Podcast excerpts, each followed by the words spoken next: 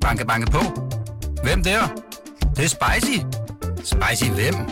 Spicy Chicken McNuggets, der er tilbage på menuen hos McDonald's. Badum, bom, tji.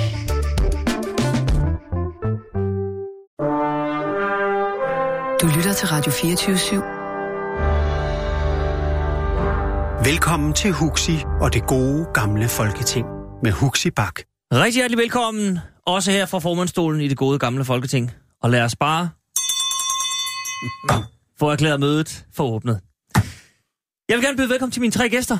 Tre herrer i dag. Rigtig hjertelig velkommen til Bjørn Elmqvist, Pelle Dragsted og Leif Mikkelsen. Alle sammen forhåndværende medlemmer af Folketinget for henholdsvis Radikale Venstre, og hvis vi går øh, pænt tilbage, så også Almindelig Venstre. For Pelles vedkommende, Enhedslisten. For Leifs vedkommende, jo også øh, øh, faktisk Liberale Alliance og Venstre. Ja, ja. Ja, ja, ja, ja, men det er godt nok, Leif. ja. Det er to, tidligere, øh, to tidligere venstre. ja du, du er godt flankeret, Pelle. Det er, altså, vi har et godt fundament, Pelle, bare Fælles belastet for. Ja, det er som man ser det, Bjørn. Det, den, den må I tage internt, om det er en belastning for jeres fortid. Vi skal øh, se på, ja, vel en lille smule fremtid, men om ikke andet, så i hvert fald nutiden. Vi skal, øh, vi skal forbi Danmarks forhold til USA. Der er jo stadigvæk en, øh, ja, hvad skal man næsten kalde ham øh, efterhånden? En løjerlig mand, der spøger derovre. Øh, vi skal forbi en øh, rigskongres, som blev aflyst. Vi skal se lidt nærmere på finanslovsforhandlingerne. Men jeg kunne tænke mig at starte et andet sted, som jeg faktisk ikke har, øh, har advaret jer om, men jeg tror ikke, at I får et chok, når jeg siger det her til jer. Det er bare fordi, de sidste par dage er der en historie om nogle pressechefer, som har bulleret i aviserne. Og øh, Ole Birk Olsen er, er rasende. Og der er andre, der siger, at man, altså, rolig nu, Ole. Og jeg tænkte, nu vil jeg lige øh, øh, løbe den forbi jer, fordi jeg kan ikke rigtig finde ud af, om, om det er en bombe under embedsværket, eller hvordan der. Det handler om, at Socialdemokraterne, som sidder i regeringen nu, har ansat øh, seks nye pressechefer. De har faktisk ansat otte, men seks af dem er, øh, hvad skal man sige, de har partibogen i orden. De har stærk tilknytning til partiet, og der mener Ole Birk og andre så, at det simpelthen er en, en, en underminering af embedsværket, at man nu har så, i hvert fald i hans optik, farvede pressechefer, øh, som jo bliver der efter et regeringsskifte. Efter reglerne. Så kan der kan jo ske alt muligt. Men Leif Mikkelsen, du kender Ole Birk. Er han, øh, er han unødigt hissig, eller er der, er der noget lige at, at løfte et øjenbryn i forhold til, når det kommer til pressechefer med partibogen i orden? Nu er du klar over, at i Liberale Alliance, der er vi ikke enige alle sammen i alting. Det går der rygter om, ja. Og derfor vil jeg bare sige, at det er jeg sådan set ikke enig med, med Ole Birk i, fordi at, øh, jeg synes jo, en, øh, en regering skal vise sit sande ansigt. Og det gør man måske ved, at man markerer, at de mennesker, man har til at varetage ens interesser, de altså også øh, gør det, så man kan se, nu er der en socialdemokratisk regering. Så kan vælgerne jo gøre noget ved det fire år senere, hvis det bliver tydeligt. Det er Mhm. mm-hmm. næsten værre, når det foregår på den måde, at man forsøger at føre den samme politik som den tidligere regering for at sløre alverdens ting. Okay. Så der, der er sådan set større ærlighed i det. Men vil du, vil du så nærmest gå videre med den tanke? Fordi så siger man, når man så, hvis, hvis hele regeringen toner rent flag sammen med pressecheferne, skal man så også gå efter sådan mere amerikansk forbillede og sige, "Nå, men så skifter vi mere ud? Departementchefen er jo også, han er jo pt. upolitisk. Ja, det kan man sagtens friste til, og vi har egentlig af og til sagt det til en anden, at der burde egentlig skiftes mere ud, øh, så man fik luftet virkelig ud. Mm-hmm. Men man kan se, at de personlige rådgivere til alle minister har jo trukket et godt skridt i den retning. Det er jo nogen, der forfølger den politik, regeringen nu har, og den seneste... Og, og bliver jo skiftet også. De, de bliver jo... De ryger sammen de ryger med sammen, ministeren, sammen med og, og ministeren, Mette? Frederiksen har ligesom understreget det meget tydeligt ved den særlige rådgiver, hun har, som der har været blæst om, Ja. øh, som jeg synes er helt i orden. Mm-hmm. Pelle Dragsted, hvad siger du øh, til, til den her sag? Men jeg sidder og tænker over, at der kan godt være et, et tab ved det også, også for Socialdemokraterne, fordi altså, det, hvis man ligesom skifter en, en pressechef i et ministerium hver gang man skifter, så mister man jo også en masse netværk. Altså lad os nu sige, at du er pressechef i, jeg kan ikke huske, hvad for et ministerium, der har fiskeriområdet nu. Det er vist noget med ligestilling. Det er, det er Mogens Jensen. Jeg- jeg Det er ligestilling, fiskeri, Ja, fødevare og Men nordisk lad os sige, du har det område, så er der nogle særlige øh, medier, nogle særlige øh, journalister, som er optaget af området. Og det er ja. klart, skal du som, altså, hver fjerde år skifte chefen ud der, jamen, så taber du noget, noget netværk og noget viden på området. Det, det vil være det ene, jeg tænker. Det andet, øh, det kan jo være rart at have en, som man er meget enig med, og man kan tænke fælles med, øh, også på, på pressechefområdet. Men du risikerer jo også, at der ikke er det der kritiske blik øh, på det, at, lad os sige, jeg kommer som minister og siger til min preschef, jeg synes, vi skal ud med det her budskab. Og så sidder der en glad øh, enhedsliste preschef og siger, det lyder rigtig godt. Måske var det godt for mig selv, at der sad en og sagde, ah, er vi nu sikre på, hvordan den vil øh, blive modtaget med, med den formulering, for eksempel. Så jeg er ikke sikker på, at det kun er til fordel for... Men, men Øh, er hvad det ikke en understregning af, af præcis det, der er... Ja, hvad skal man sige? Ole Birks frygt, og måske den tanke, der ligger bag hos Socialdemokraterne, at man ligesom siger... Øh, der, der skal være så fuldstændig snorlig koordinering. Der skal ikke være en pressechef, som sidder og siger noget som helst. Når der kommer et budskab, som er klappet af op fra hos den førnævnte stabschef Martin Rossen, og, og den lille kerne, der tegner partiet nu, altså vi, vi er jo, øh, der, er der er jo taget, det tror jeg ikke, nogen vil bestride, nogle, nogle skridt i retning af topstyring i det parti. Når der bliver sendt noget ned, så skal der ikke sidde en eller anden pressechef ude i, i, i uh, udslusningen og, og stille spørgsmålstegn ved det her. Det skal bare sendes ud. Der skal være et tydeligt markat på jakken. Socialdemokratiet, den skal bare afsted. Altså, øh, pressecheferne vil jo altid have den rolle, at de skal hjælpe øh, den siddende minister mm. med at komme ud med sine budskaber, og også på en eller anden måde øh, skærme, øh, hvad enten man kan, kan lide det eller ej. Ikke? Altså forsøge også i svære sager at få ministeren igennem øh, de her sager. Det er jo også en del af, af, af, af arbejdet for øh, de her pressechefer.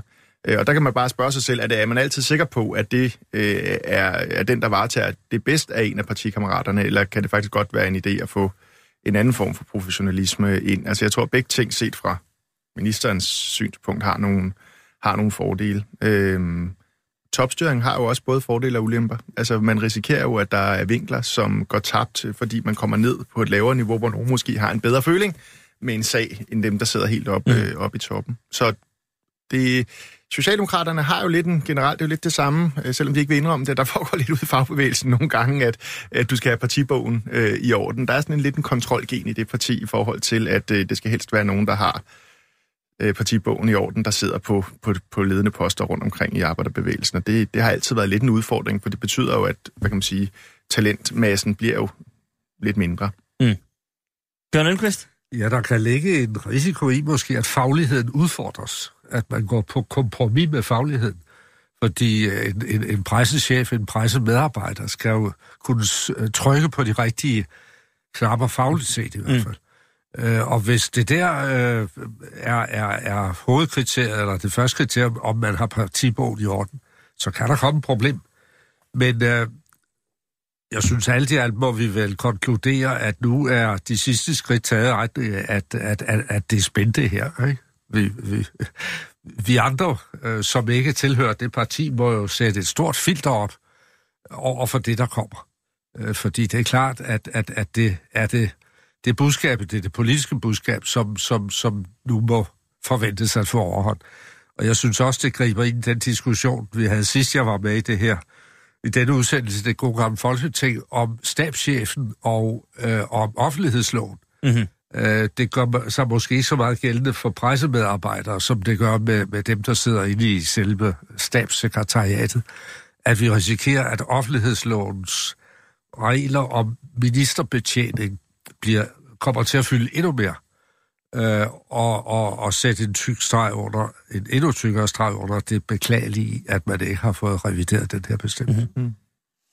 Men, ja, live. Men nu, nu ved vi jo godt, at en stor del af pressemedarbejder eller pressechefs opgave, det er jo at snakke med journalister og snakke til baggrund. Det er blevet sådan en uvane, som er snedet sig ind, synes jeg, i den tid, jeg har været derinde, som slet ikke var gængst øh, for år tilbage. Men det er det i dag, man snakker til baggrund, og så kan man næsten se, at øh, ham der, han har snakket med den der, øh, når nu at kloge folk sidder, øh, de der kommentatorer i de forskellige øh, på TV2, øh, så kan man se, at de har talt med den, de har lige drukket kaffe med den, og det afspejler sig. Og det taler man jo om i partierne, at det skal man sørge for, fordi at det, så sætter man der med dagsordenen og påvirker, at man ikke taler så dårligt om partiet, som man ellers vil, fordi man lige fik lidt øh, at vide.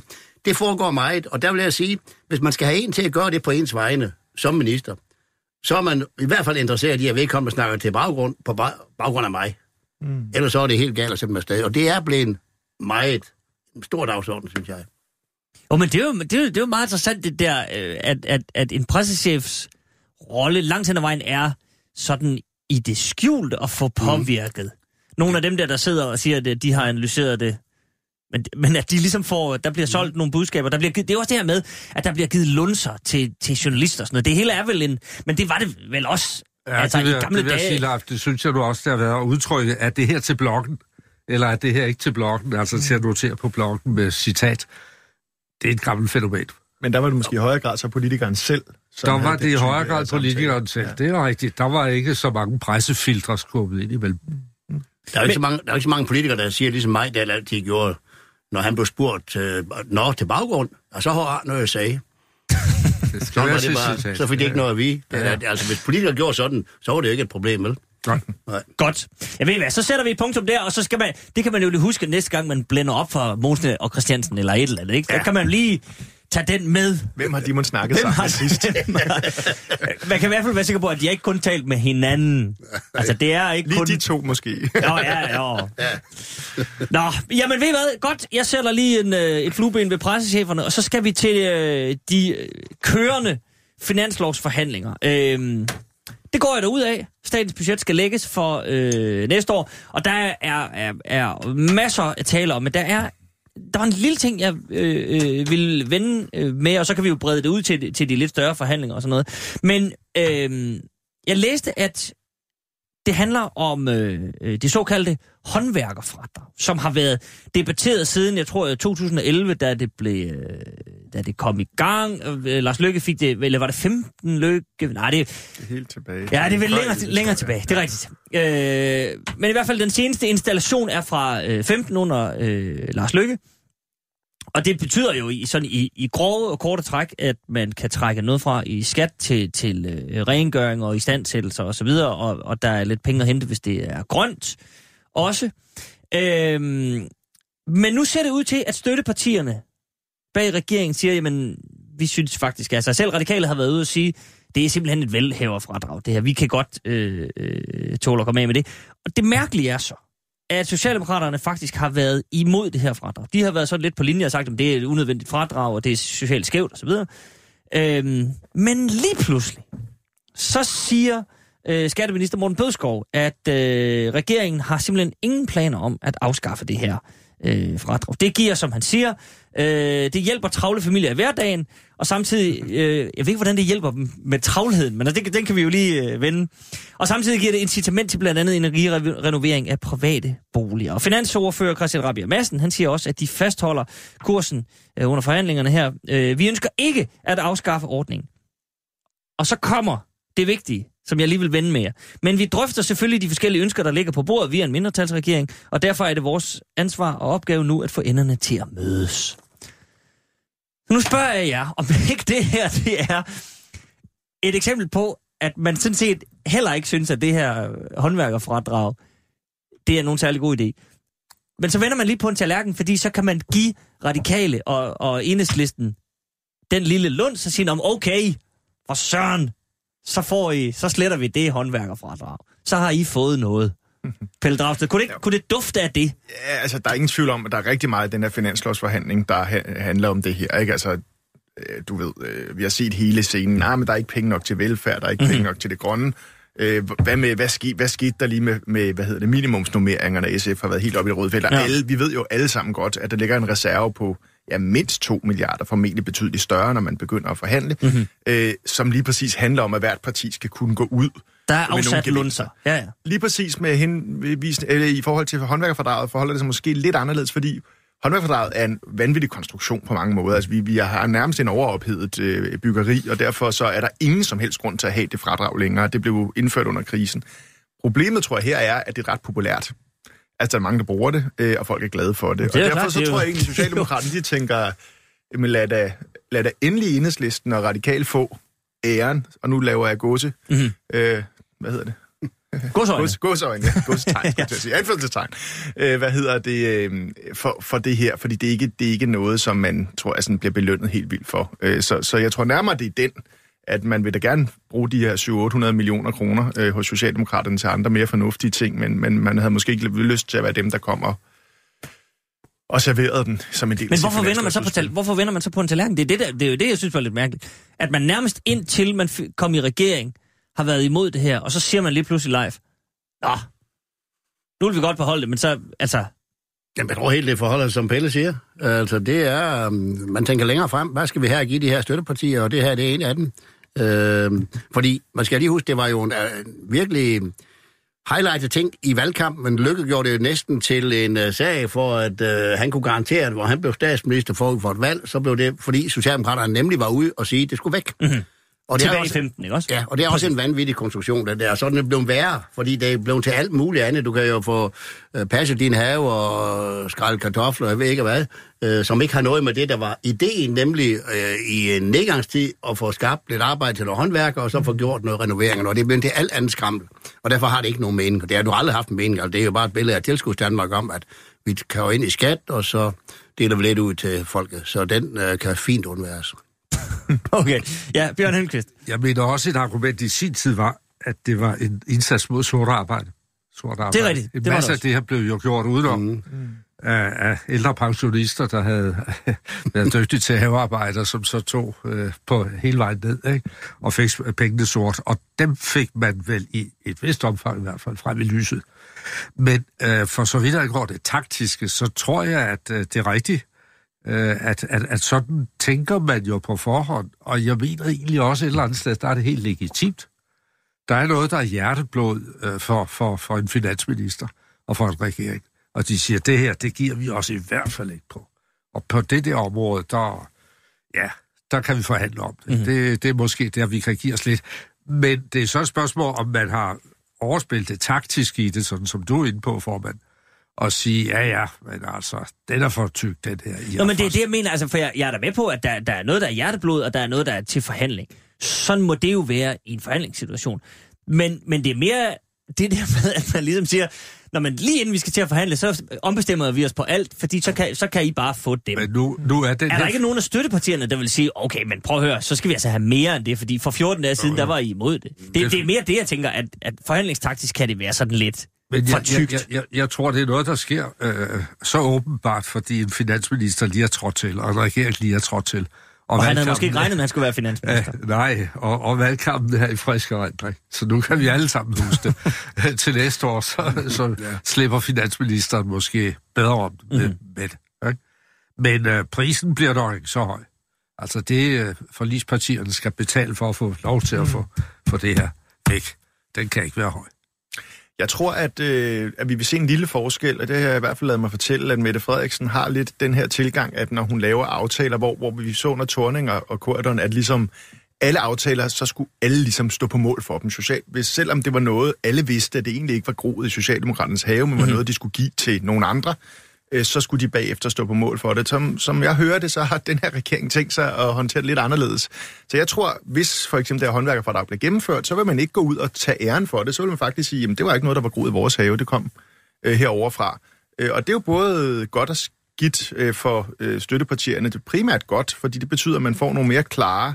Altså alle ved, at specifikke ting, der bliver gennemført, lad os nu tage minimumsnummeringer, øh, eller andre ting, at der vil det være mere tydeligt, at det er noget, som kommer ikke fra regeringen selv, men udefra. Og det er jo med til at, hvad kan man sige, polstre, hvad man kan sige, de her Nå, men, men man taler jo meget om det her med, hvilke aftryk man får på Præcis. en finanslov. Og det, det, det du siger, det, det vil blive... Det tror jeg vil blive tydeligere. Altså, man, man vil både for de ting, man ikke er helt vild efter at tage æren for, vil man, vil man lade være at tage æren for mm-hmm. og faktisk skubbe væk fra sig, men også dem, som man egentlig godt selv kunne smykke sig med. Der tror jeg, man vil være mere, om så må sige, gavmild fra regeringens side med at øh, lade øh, støttepartierne øh, få øh, credit for, for, øh, for, de, for de ting, og det, det tror jeg er rigtig klogt. Mm-hmm. Men er der, er der en, hvad skal man sige, en faldgruppe i det her med ikke nødvendigvis at tage æren og sige, at det her det er simpelthen ikke en blomst, der er groet hos os, øh, og derfor i det videre forløb med den blomst, kan vi også godt sådan øh, øh, gå lidt mere stille og roligt til den. Det er ikke noget, det er ikke der, vi prioriterer, hvis den ligesom er landet. Det, er, det er vel en... Om et eller andet sted skal man jo have et fælles ansvar for finanslov. Nå, men det er det, jeg mener. Men, ja, men hvis... det, det må du slutte med. Ja. Det synes jeg da. Når man har vedtaget den, så har man vedtaget den. Og stemt for den, Helt så har man stemt for den. Men det er mere, at man bagefter ligesom går ud og siger, jamen, ja, vi står på mål for det, men det groede ikke i vores have. Det, det, det, det er lidt usædvanligt, man gør det. Normalt vil man sige, øh, altså mm-hmm. det oplevede vi i hvert fald fra enhedslæsens side under Torning, at ting, vi havde kæmpet med næb og klør for under forhandlingerne, og de havde modsat sig voldsomt. Øh, når der så var gået et par måneder, gik de ud og smykkede sig med det som en vigtig resultat af regeringens øh, politik, og det, det kunne godt være lidt, øh, lidt træls nogle gange, øh, når man vidste, hvor, øh, hvor, kraft, hvor, hvor kraftigt de havde kæmpet imod øh, nogle af de her ting under finanslovsforhandlingerne. Der vil onde tunger så sige, øh, at det er måske det, vi ser på klimaområdet nu, ikke? Altså, vi havde jo klimaminister, Dan Jørgensen, som før valgkampen sagde, at 70 procent, det var useriøst, helt plat, og nu må folk simpelthen lige tage sig sammen. Jeg skal da love for, at han går rundt med hatte med 70 procent og holder skåltaler i New York, og den får da alt, hvad den kan trække, som om tallet 70 er noget, Dan Jørgensen altså, har opfundet. Jamen, jeg lader alligevel mærke til, at Mette Frederiksen i sin åbningstale meget eksplicit sagde, at de 70 procent, de kom ikke fra regeringen selv. Det var noget, støtpartierne var Men har hun sagt det til Dan Jørgensen? det er jo så, altså... Han det- hørte ikke efter en tale. Præcis. Ja, der er måske nogen, der har sværere ved at øh, dele ud Okay, af fair nok. godbiderne. Fair Men det der med før og eftervalget, altså det kan vi jo genkende så mange steder, og det er måske også, der vi blandt andet, det, det er partier, der mener forskelligt. Det er især regeringen, der gør det, fordi virkeligheden kommer. Mm-hmm. Øh, og det er måske, når vi taler politikerlede, så kan det godt være, at det er mere sådan noget, der gør, at Gud, man kan ikke regne med en pind af, hvad de siger, mm. øh, fordi at man kan jo godt lave sådan en hel liste over, hvad der bliver sagt i valgkampen, og så hvad der sker nu. Jo, jo. Især, især når man, kommer i regering, så kommer virkeligheden jo. Og den her, øh, det er håndværkerfradrag. Altså, det er jo også sådan en, oppositionen kan bruge til at sige, nå, der har man bare set den her regering, det bliver dyrere at være dansker. Mhm. Det, det er jo sådan en rigtig god en, og mange, rigtig mange kan mærke den, fordi de fik lige tilskud til havearbejde og sådan noget. Det er jo ikke bare øh, er parcelhusejere og andre. Det, det, er 15.000 kroner, virkelig, det det, er virkelig mange, der kan få gavn af det. Så, mm-hmm. så den, den bliver ret god at køre på, tror jeg. Okay. Men, men øh, ved, ved, ved, ved sådan et tiltag som det her, som, som Pelle er inde på, hvis man kan... Det handler også om at få i tale sat med et frygteligt ord. Hvad, i forholdet mellem, hvad man lovede inden en valgkamp, og hvad der så kommer igennem nu. Og hele løftebrudsdiskussionen har jo martret også Socialdemokraterne og gjort vel sagtens alle partier en lille smule mere forsigtige i forhold til, hvordan man får lovet ting i en valgkamp, og hvor tydeligt man får sagt, at nu er mandaternes logik således, og derfor kan vi ikke, og det ene og det andet. Så, så, så man prøver at holde vælgerne mere i hånden. Hvis sådan, hvis sådan et tiltag her, Pelle, vil det, øh, vil det hjælpe vælgerne til en eller anden forståelse af, hvad der kan lade sig gøre, hvad der ikke kunne lade sig gøre i forhold til før og efter et valg? Nu, nu synes jeg ikke, at håndværkerfradraget var et stort tema under den her Nej, nej, valgkamp. jo, jamen, på altså, ingen derfor måde. tror jeg ikke, at det er sådan en af dem, der Men, vil give men, bare den der, tror, men ikke, ikke nødvendigvis det forslag, ja. Men, men den generelle tilgang til, at man siger, når man det her, det, er, det var hjerteblod for os, det fik vi gennemført, det her, det var ikke hjerteblod for os, men ja, vi har været nødt til at gå på kompromis med nogle ting, for sådan er sikkert. politik. Altså, jeg tror, det er godt at være ærlig om de der ting. Altså, vi kan alle sammen huske den gang, eller det kan jeg i hvert fald tydeligt huske måske, fordi det var, vi var meget oprørt over det, men da man sænkede, hvad hedder det, selskabsskatten i sin tid øh, under Torningen, Mhm. mm-hmm. så var der et pressemøde, og så stiller Holger K. Nielsen så op og siger, jamen det her, det er ren SF-politik. Øh, og alle vidste jo godt, at det var det rene vrøvl. Altså, at, at det havde aldrig... nok også Holger. det havde aldrig været SF-politik. Og, mm. og lige præcis den slags, det er med til at skabe politikerlede. Og derfor tror jeg sådan set, at det er rigtig klogt, at en regering Lykke begyndte også lidt på det i forhold til Liberal Alliance i nogle tilfælde at sige, jeg er en mindretalsregering. Ja. Jeg skal have aftaler igennem. Det betyder, at jeg må give nogle ting. Mm. Selvfølgelig ikke noget, der, der ligger mig inderligt imod, men der kan sagtens være ting, som, mm. som, som jeg er nødt til at bøje mig på. Og det tror jeg er klogt. Altså, jeg, jeg, jeg, jeg tror generelt, det er rigtig klogt at, at kommunikere ærligt. Øh, det lyder... Det lyder, dybt, det lyder dybt banalt, men det har, det har desværre, ikke været, det har desværre ikke været, altid været tilfældet. Der har været sådan en tendens til, at, at man skulle forsøge at få ting til at fremstå, som om det var ens politik, selvom det åbenlyst ikke var for at ikke tabe ansigt, eller hvad det nu mm-hmm. er, man ikke, øh, man ikke vil. Og det, det tror jeg simpelthen er klogt at, øh, Det at forlade. jo ikke så godt med at få politiseret pressemedarbejdere. Øh, øh, Så skal de ud og, og køre spinden vejen igen. Jamen, det kommer jo an på, om man bruger, hvad man bruger dem til, kan Ja, man sige. Ikke? For dem, hvis eller man bruger dem til, dem til det. Men Bjørn, har det, nu, nu, nu taler vi om øh, øh, gamle dage. Det må vi jo gerne i det her program. Har det, er det, hvornår det ændrer sig, det der... Var, nu vil jeg ikke lægge pille ord i munden, men altså, man kunne få den tanke, at i gamle dage var det mere med et stærkt udtryk uærligt. At der der lavede man den der med, så har vi lavet noget, så står vi på mål på det, og så, så, så er det sådan, som det er. At den her sådan helt ærlige, at man i virkeligheden øh, øh, løfter tæppet en lille smule for besværlighederne i politik, er, er, er det noget nyt? Nej, det synes jeg egentlig ikke. I, i visse situationer øh, var der selvfølgelig ikke noget tæppe, der blev løftet, før man opdagede, at alt var faret ind under Det er termintag. Der var lige det Men- ene tæppe der. Ja, det er en tæppe der. Men, men, men ellers vil jeg sige, øh, hvis undervejs i finanslovsforhandlingerne, der har været øh, besværlige og langvarige og, og måske indimellem også dramatiske år efter år, der synes jeg nu nok, at der er blevet afdækket øh, forskelligheder, øh, som gik op for befolkningen, for vælgerne. Og øh, deri kan jeg ikke se nogen forskel fra nu og, og, og tidligere. Det var det samme, der stod tv-folk der også udenfor og ventede ved glasdøren over Finansministeriet og fik udlægningerne dag for dag, time for time. Mm-hmm. Og så lige pludselig faldt det hele på plads, ikke? Og så kunne man jo blive spurgt om, jamen hvad, det der var jo slet ikke jeg. Hvordan i alverden har jeg kunne give jer på det, ikke? Så deri ser jeg ikke noget væsensforskelligt fra nu og, mm. og tidligere. Det gør jeg. Jeg tror faktisk, der er en... Altså, jeg tror, tilbage fra dengang Bjørn var der, tror jeg, det er rigtigt. Men jeg tror fra omkring 2001 med, med skiftet til få, som jo havde den her lidt omnipotente... Øh, altså gerne vil fremstille sig selv omnipotent. Der er, der er nul at komme efter alt det her, ikke? Og som, Der var, der var også og sådan en drejebogspolitik, Ja, hvor, meget hvor tæt, intet kunne rykke sig. Og meget Ja, tæt han, samarbejde han vidste med jo, Dansk han havde Folkeparti. Dansk Folkeparti. Præcis. Han vidste, hvor han havde sit Og- flertal hele tiden, ikke? Jo, og jeg tror, at Torning i en eller anden grad, den regering, forsøgte ligesom at kopiere den her form. Så på en eller anden måde tror jeg, der har været en periode, hvor man altså har været lidt mindre ærlig omkring, hvor uenighederne lå. Og jeg, og jeg synes, det er positivt, hvis man vender tilbage til en, til, til en situation, hvor man, øh, hvor man faktisk tør at sige, at, øh, at ja, vi er en mindretalsregering, mm. Og det kræver, at vi går på kompromis på nogle områder, som, øh, som vi kan acceptere. Okay. Ja, det, jeg- det, det, jeg tænkte tilbage til her, hvor jeg skulle svare på spørgsmålet, det var uh, i 90'erne med, med Lykketoft som finansminister, ikke? Mm. og hvor jeg var radikal finansordfører. Og, og, og der kan jeg da huske nogle af de der forhandlinger netop. Der, der, der blev gået til stålet, også uden for døren. Det Mm. gjorde der. Men du har nok ret, Pelle, i din analyse. Jeg havde behendigt sprunget nogle år efter. Det, det er godt, at vi har Ja, forskellige generationer Præcis, ikke? Men Leif, må jeg så ikke spørge dig sådan en helt øh, relativt frisk erindring. Øh, det her med spillet, ville det, hvis man havde været, hvad skal man sige, øh, og det kan jo også godt ske, I prøvede, og det kan være, vi ikke, vi ikke hørte det på samme måde, men, men da LA kom i regering, der fik I jo også tæsk for at være hoppet ned ad træet og ned gennem soltaget i, i, i ministerbilerne, ikke? Øh, men hvis man havde været mere ærlig og sagt, jamen, prøv at høre, det, det, for det, det, det gjorde man jo, altså Anders Samuelsen var jo ude og sige, men vi, vi vil have indflydelse. Men hvis man havde været endnu mere eksplicit i forhold til at, at, at sige, men vi fik det her, og så, og det, det koster, vil det her, vil det have reddet partiet? Ja, det ved vi jo ikke, for det blev Det ikke ved gjort. vi ikke. Det, Det- blev ikke det- gjort. Det, det er rigtigt, men, så, men så øh, det, det er jo så nemt, og det, det er jo det billede, der står tilbage, at øh, man valgte, og der var ikke nogen øh, ordentlig begrundelse for det, altså, fordi man, man fik jo ikke mere igen med den grund, så man skulle jo pynte på de små resultater, der blev, fordi at Dansk Folkeparti jo blokerede for alt, hvad der kom fra LA. Mhm. Mm-hmm. Øh, det, det var så tydeligt for enhver, det ved alle. jo, jo. Øh, og derfor øh, var det umuligt at få noget som helst igennem. Og så prøvede man alligevel at blæse det op til, at nu man får så mange skattelettelser igennem og så videre.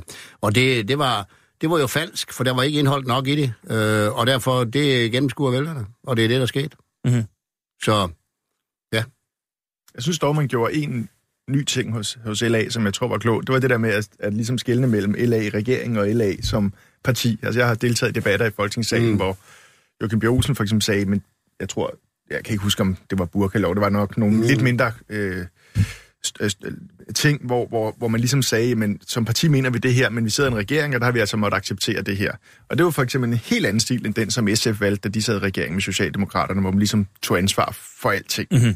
Øh, det Men- hjalp ikke LA, øh, men, Nej, det- men spørgsmålet er, om det var, om, om det var, om det, var det øh, som, som øh, skabte problemet. Det tror jeg ikke. Jeg tror, problemerne kom under de her store op i træet, ned ad træet, øh, både omkring den første finanslov, og så selvfølgelig det her med, at selv da man var i regering, så satte man spørgsmålstegn ved, om man ville stemme for sin Men det, men det er vel også, altså jeg kan da godt forstå, at ja, vi har også diskuteret det et par gange her i programmet, at det er jo også en forvirrende situation.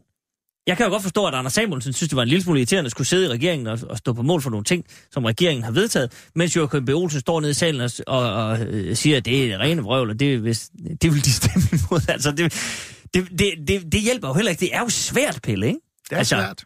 Det er svært, men, men sådan er det jo, når vi har et, vi har jo ikke et præsidentielt system i Danmark. Vi har heller ikke et, et topartisystem, eller vi har et system, hvor vi næsten altid har mindretalsregering. Mm.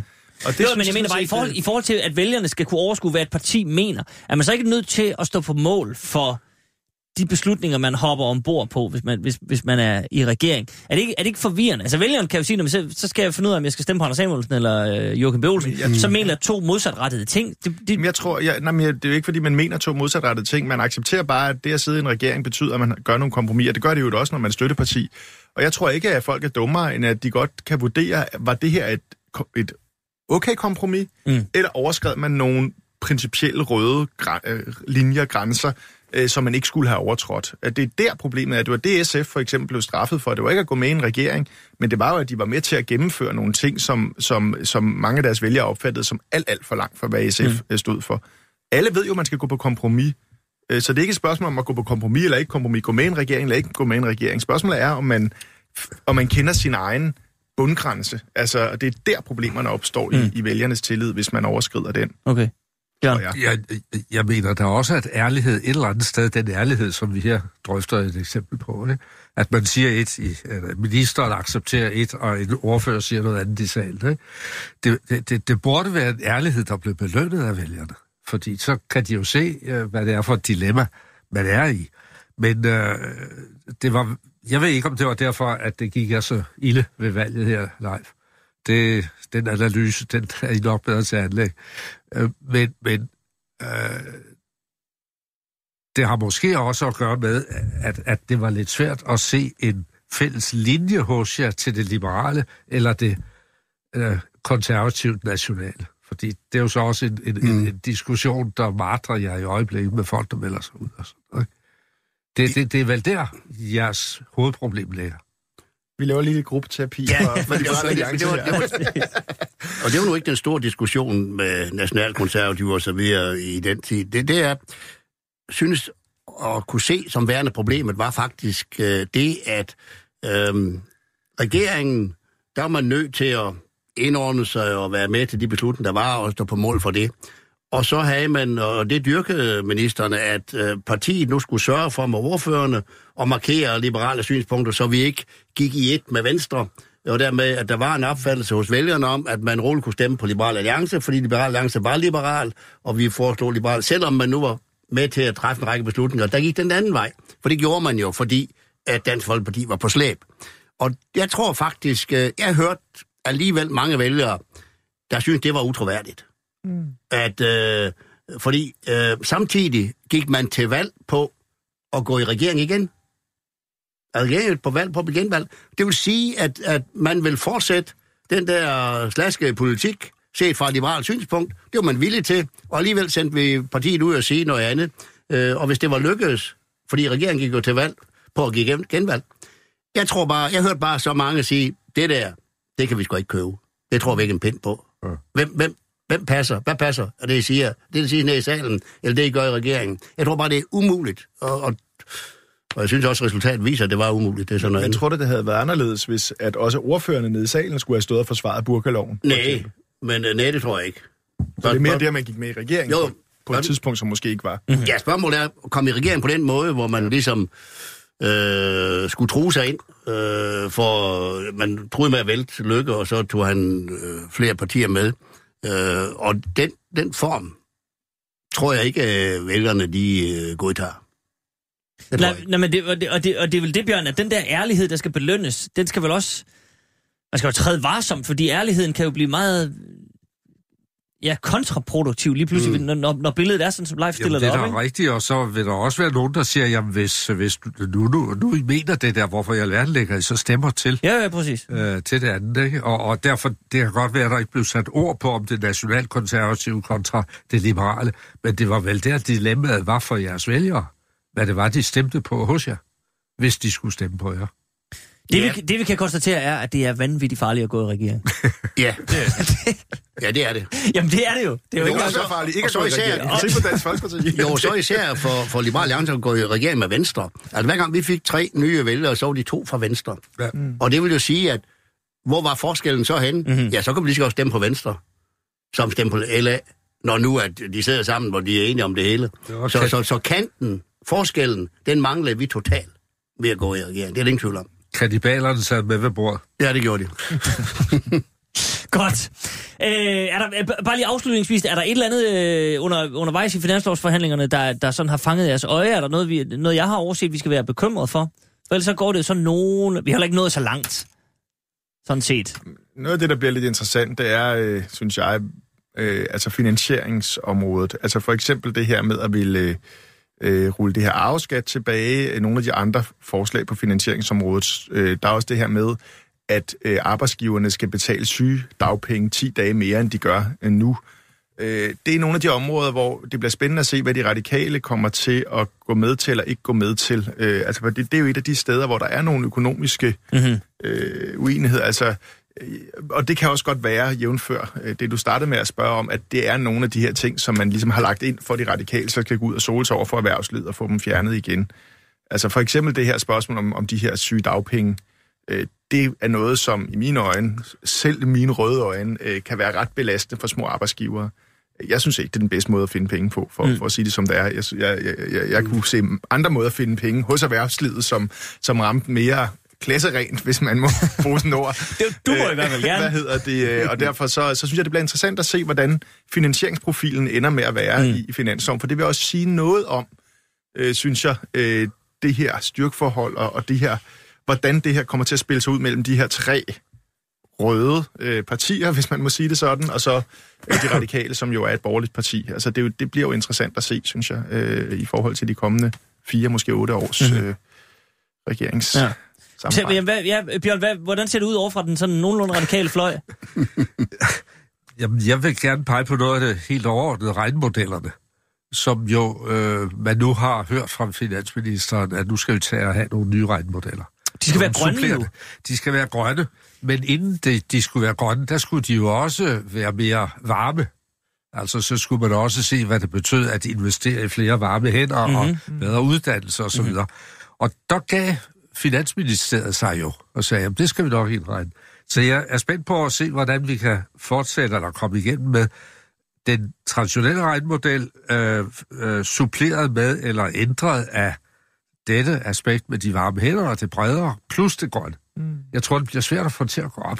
Jamen, på den her finanslov kommer det til at køre efter det svære, efter den det gamle, gamle regnmodel. Ja. Det kommer ikke til at være anderledes. Øh, jeg tror, at det, man kan, det, det lykkedes i forbindelse med de der kon- øh, forhandlinger om den der særlige kontanthjælpsydelse, det var, at man fik skrevet ind i aftalen, at man skulle... Altså, fordi der kom vi jo, eller enhedslisten og de andre partier, kom jo til at betale for de her afledte effekter, som er dybt tvivlsomme. Altså, at man tror, at at det koster flere hundrede millioner kroner at tage de her meget, meget fattige familier og løfte dem lidt, for, fordi at øh, så vil de ikke længere søge arbejde. Altså i mine øjne fuldstændig vanvittig øh, opfattelse. Øh, men det skulle man ikke desto mindre finansiere, men der står dog i aftalen, at man så efterfølgende skal evaluere, om det rent faktisk har de afledte effekter. Og det lyder jo som om, jamen selvfølgelig skal man det. Det har man jo aldrig gjort. Altså regnmodellen er jo en abstrakt model. Man har aldrig gået efter og set, er der faktisk de her dynamiske effekter, eller er de der ikke? Fordi man har ment, at man ikke kan påvise det. det er jo... Ja, men det er også fordi, det er jo svært. Øh, fordi mm. når det kommer til skat, for eksempel, du kan jo ikke lave, om så må sige, ligesom i laboratoriet, hvad hedder det, et øh, øh, lukket forsøg, vel, for der er tusind andre ting, der påvirker folks adfærd i samme periode. Mm. Så det er svært at isolere øh, effekterne af for eksempel en skattelettelse, eller effekterne af, at man sænker eller øger øh, ydelserne. Men ikke desto mindre er det jo ret vildt, at man opererer en model, som har enorm betydning for den måde, for øh, man fører politik på, øh, men faktisk ikke øh, undersøger, om de her effekter, man, man tror er, om de rent mm. faktisk mm. indfinder sig. Hvordan så, ja, live?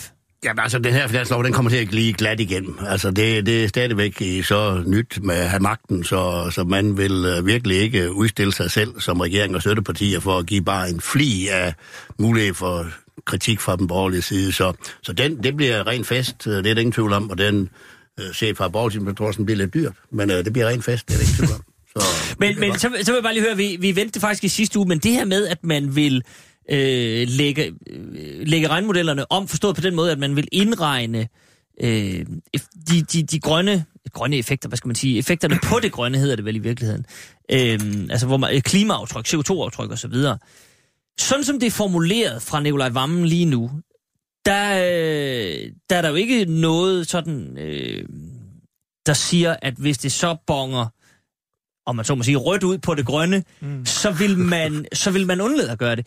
Er der, ser I en fare for, at det, det lidt er sådan en, en grønvaskningsøvelse, man siger, når man regne, regnestykket siger, når man, at det, huha, det, det, det bliver lidt dyrt på det grønne, men velfærdsregnstykke siger, at vi er nødt til at gøre det alligevel. det er jo en politisk kamp bagefter, og det er det jo også nu. Altså selvom, hvis jeg for eksempel gerne vil øh, sætte dagpengene op, så skal mm. jeg betale en helvedes masse penge i såkaldte dynamiske effekter, fordi man forventer, at så vil de arbejdsløse slet ikke søge arbejde mere, fordi de gider ikke. Øh, derfor vil jeg jo, holder jeg jo ikke op med at synes, at dagpengene skal øh, sættes op, altså at de ikke skal udhules.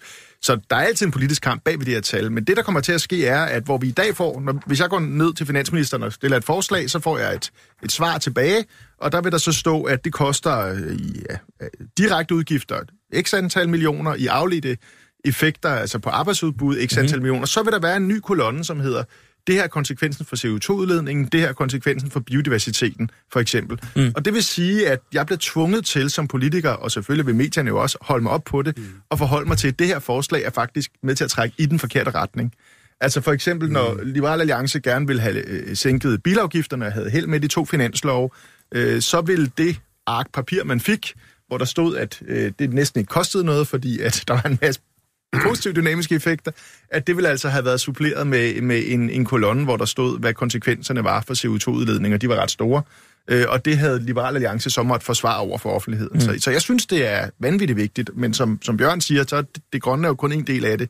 Den, det andet og virkelig vigtige, det er jo, at man får skabt den her balance i regnmodellerne, hvor man også indregner det, man kunne kalde udgiftssiden. Altså hvis man bruger penge for eksempel på at øh, have færre lukkedage i børnehaverne, så er det jo åbenlyst, at det også har en, en virkning på arbejdsudbuddet, men, men det indregner man ikke i dag. Altså, mm. det, det er også ekstremt vigtigt. Men der kommer til at gå... Altså, jeg tror ikke engang på næste finanslov, at der er en ny model klar. Det kommer til at tage lang tid. Ja, altså, mel- meldingen er, at der går et par år, hvor man ligesom begynder at regne det her ind, og så sidder øh, tidligere formand for Klimarådet, Peter Birk Sørensen, jo virkelig og, og knokler. Mm. Men altså, det er jo det er, jo, det er en stor skud, der skal ændres. Det er selvfølgelig rigtigt nok. Leif Mikkelsen. Jamen, der er mange mellemregner, fordi så skulle du have en fjerde kolonne, når du taler registreringsafgifter. Mm. For det betyder, at bilparken er blevet betydeligt nyere, som kører meget længere på literen. Så, det skal, så den der CO2 øh, skal, skal vi lige have indregnet rigtigt. Så det man siger skal, sig selv. Det, det duer ikke bare at fremskrive tal, og, og det er jo det, Nej, nej, nej. Finansministeriet har gjort alt for meget øh, i deres regnmodeller. Så, så der, det går meget den anden vej. Så det det sig en god idé. Det kommer jeg nok sige. ikke til at præge, det har jeg ret i, disse regnemodels øh, resultater kommer nok ikke til at præge de her forhandlinger. Men Nå, nej, nej, nej. Det, men- det, I men- år men- sker der ingenting. nej, Det tror jeg, det men- har men alle vist også der- meldt der ud og kommer- accepteret. Der, der kommer et opgør bagefter, mm. formentlig, Forhåbentlig. hvor man Man skal jo ikke glemme, at det stod faktisk også i Torning-regeringens regeringsgrundlag, Ja, så at man skulle- have ændret de her modeller i forhold til det med velfærd. Der skete akkurat. Men nu, nu er der dog konkret en mand på sagen, som sidder, faktisk sidder og... Ja, men det, det, Og arbejder på der, det. Ja, og der er sket lidt siden også, at kritikken er vokset og sådan noget. Så, så jeg tror også, der kommer til at ske noget. Men ja, der er en energi og en modvilje Du er ikke- du er ikke tordnende Ja, jeg vil se det, før jeg... Du er før forsigtig optimist. Det er jo også et virkelig hjertebarn for mig, det med de der finansregnmodeller. Der Ja. bliver måske mere øh, drama i de finanslovsforhandlinger, man har i EU. Men øh, det er jo ikke... Vi vender, vi vender tilbage til EU lige om lidt, at der, er Okay. der er jo rigeligt at tale om. Det må man sige. med det der EU-halløj, for nu at, at, at sige det mildt. Men vi, skal lige, vi bliver lige på de, øh, på de hjemlige kyster, fordi øh, efteråret er landsmøde sæson. Og i weekenden, der øh, var der, var jeg lige ved at sige, det var der så ikke. Der skulle have været såkaldt øh, rigskongres. Rejsekongres. Ja, altså, det, det er en et spændende titel. Hvis man ikke har gættet det, så var det Stram Kurs, som på Hotel Park, tror jeg nok det hedder, i øh, Middelfart, ville have afholdt Rigskongres, som sagt. Øh, den blev så afblæst, fordi øh, Fyns politi, jeg sidder med deres pressemeddelelse her, øh, skrev følgende, den er ikke ret lang, så nu læser jeg den lige op. Forbud mod afholdelse af Stram Kurs Kongres. Øh, Fyns politi meddeler, øh, har meddelt leder af Stram Kurs, Rasmus Paludan, at han ikke kan afholde den varslede rigskongres på et hotel i det centrale Middelfart. Kongressen skulle afholdes lørdag. Beslutningen om et forbud er truffet på baggrund af den aktuelle sikkerhedsmæssige situation i forhold til Rasmus Paludan. Fyns politi har siden fredag eftermiddag været synligt til stede ved hotellet i Middelfart med henblik på at opholde, opretholde ro, orden og sikre trygheden for både gæster og personale på hotellet samt borgerne i Middelfart. Fyns politi vil fortsat være synligt til stede i området en del af weekenden. Til pressen, udopstegn, Politiet, øh, øh, slået vores situationstegn. Øh, på øh, Fyns politi har ikke yderligere kommentarer. Der vil ikke blive givet interview i sagens anledning. Øh, det blev et nej tak fra, fra Fyns politi, for at sige det, for at sige det kort. Og så skete der jo det, at fordi der har været så meget, og, og, og jeg, jeg tøver øh, personligt ikke ved, med, med far for, hvad han så ville råbe af mig, men altså ved at sige, at han er også en loyalist, der rut, den øh, Rasmus Paludan. Men det er vel en problematisk beslutning, det her, Leif Mikkelsen. Altså hvis nu det havde været kristendemokraterne, eller Claus Riskær, eller en eller anden, det er jo et opstillingsberettiget parti, som simpelthen ikke kan få lov til at afholde deres kongres, fordi Fyns politi siger, det kan vi sgu ikke... Vi kan simpelthen ikke opretholde sikkerheden i, i Middelfart. Det, det er vel uholdbart. Man kan ikke have meget sympati for denne Paludan og hans måde at være på, men det her, det er fuldstændig galt. Uh, nu gør myndighederne jo større fejl, end han gør, uh, ved overhovedet at knægte uh, forsamlingsfriheden på den her mm. måde. Det er jo simpelthen, altså det er jo grundloven, det, det her. Det er jo... Jamen, jeg forstår ikke, hvordan man sådan i en almindelig politikkreds skal komme til den konklusion, at så der er behov for, at man ser alvorligt på, at vi kan ikke have den slags små lokale afgørelser om, at nu er det nok mere behageligt at gøre det. Mm. Fordi der også er en folkestemning imod ham, og derfor bliver der måske begrænset ballade om det. Ellers så vil det jo køre helt op, hvis man virkelig, uden at der er foretaget noget kriminelt, forbyder forsamlingsfrihed. Mm-hmm. Jeg har aldrig kendt noget lignende, så ud fra Forenings Danmarks synsvinkel, så er det helt galt. Mm. Jamen, det er jeg sådan set grundlæggende enig i. Altså, det eneste forbehold, jeg har, det er, altså, lig, har der ligget en konkret sikkerhedstrussel, som vi ikke kender til? Mm. Altså, har der været en forventning om et decideret terrorangreb eller lignende, øh, så har man selvfølgelig lov til at gøre det her. Men mm-hmm. det har, øh, altså, så det er den eneste øh, grund, jeg kan se til, at det her er rimeligt. Ellers så, så mener jeg klart, og også meget mærkeligt, altså nu har man brugt, jeg ved ikke hvor mange hundrede millioner kroner på at lade manden demonstrere øh, øh, alle mulige mærkelige steder, hvor man sådan set inden for reglerne sagtens kunne have sagt, du må gerne demonstrere, men du må altså lige rykke dig herhen. Mm-hmm. Altså det, det er der jo mange venstreorienterede demonstrationer, der har været udsat for gennem tiden, at man får heller ikke lov at demonstrere ned gennem strøget, selvom det vil være, vil, vil være skønt. Øh, men det har man ikke valgt med Paludan. Man har valgt at sige, at det er fint, at han står øh, midt i Mjølnerparken eller midt på Blågårdsplads, eller hvor det nu er, mm-hmm. hvor det kan skabe allermest ballade. Øh, det synes jeg godt, man kan diskutere, øh, om, om det har været klogt. Men det virker meget mærkeligt, at når så et parti skal afholde sin kongres, som jo vi kan, kan man sige er en meget centralt demokratisk, når man spørger for demokratisk er stram kurs, men stadigvæk, det er ligesom, det er selve kernen af partidemokratiet, det er jo at afholde sine kongresser, det er jo der beslutningerne bliver taget, mm-hmm. og det forhindrer man så det her parti i. Det, det synes jeg er, der er jeg enig med Leif, for det, det synes jeg ikke er klogt, det mm. synes jeg er problematisk. Bjørn? Jamen, jeg vil godt gribe til uh, artikel 10 og 11 i den europæiske menneskerettighedskonvention. Fordi øh, forsamlingsfrihed og foreningsfrihed er ikke betingelsesløs. Det er ikke uden indgreb. Øh, de to artikler er bygget op som alle artikler om menneskerettigheder, sådan at der er en hovedregel i stykke 1 i artiklen, at man nyder godt af den og den frihed. Og så i artikel 2, muligheder for myndighederne og pligt for myndighederne til at gribe ind i visse situationer. Og der er nogle hensyn, der er opregnet. Der er hensyn til den offentlige ro og orden. Der er hensyn til den offentlige tryghed. Der er hensyn til den offentlige sundhed.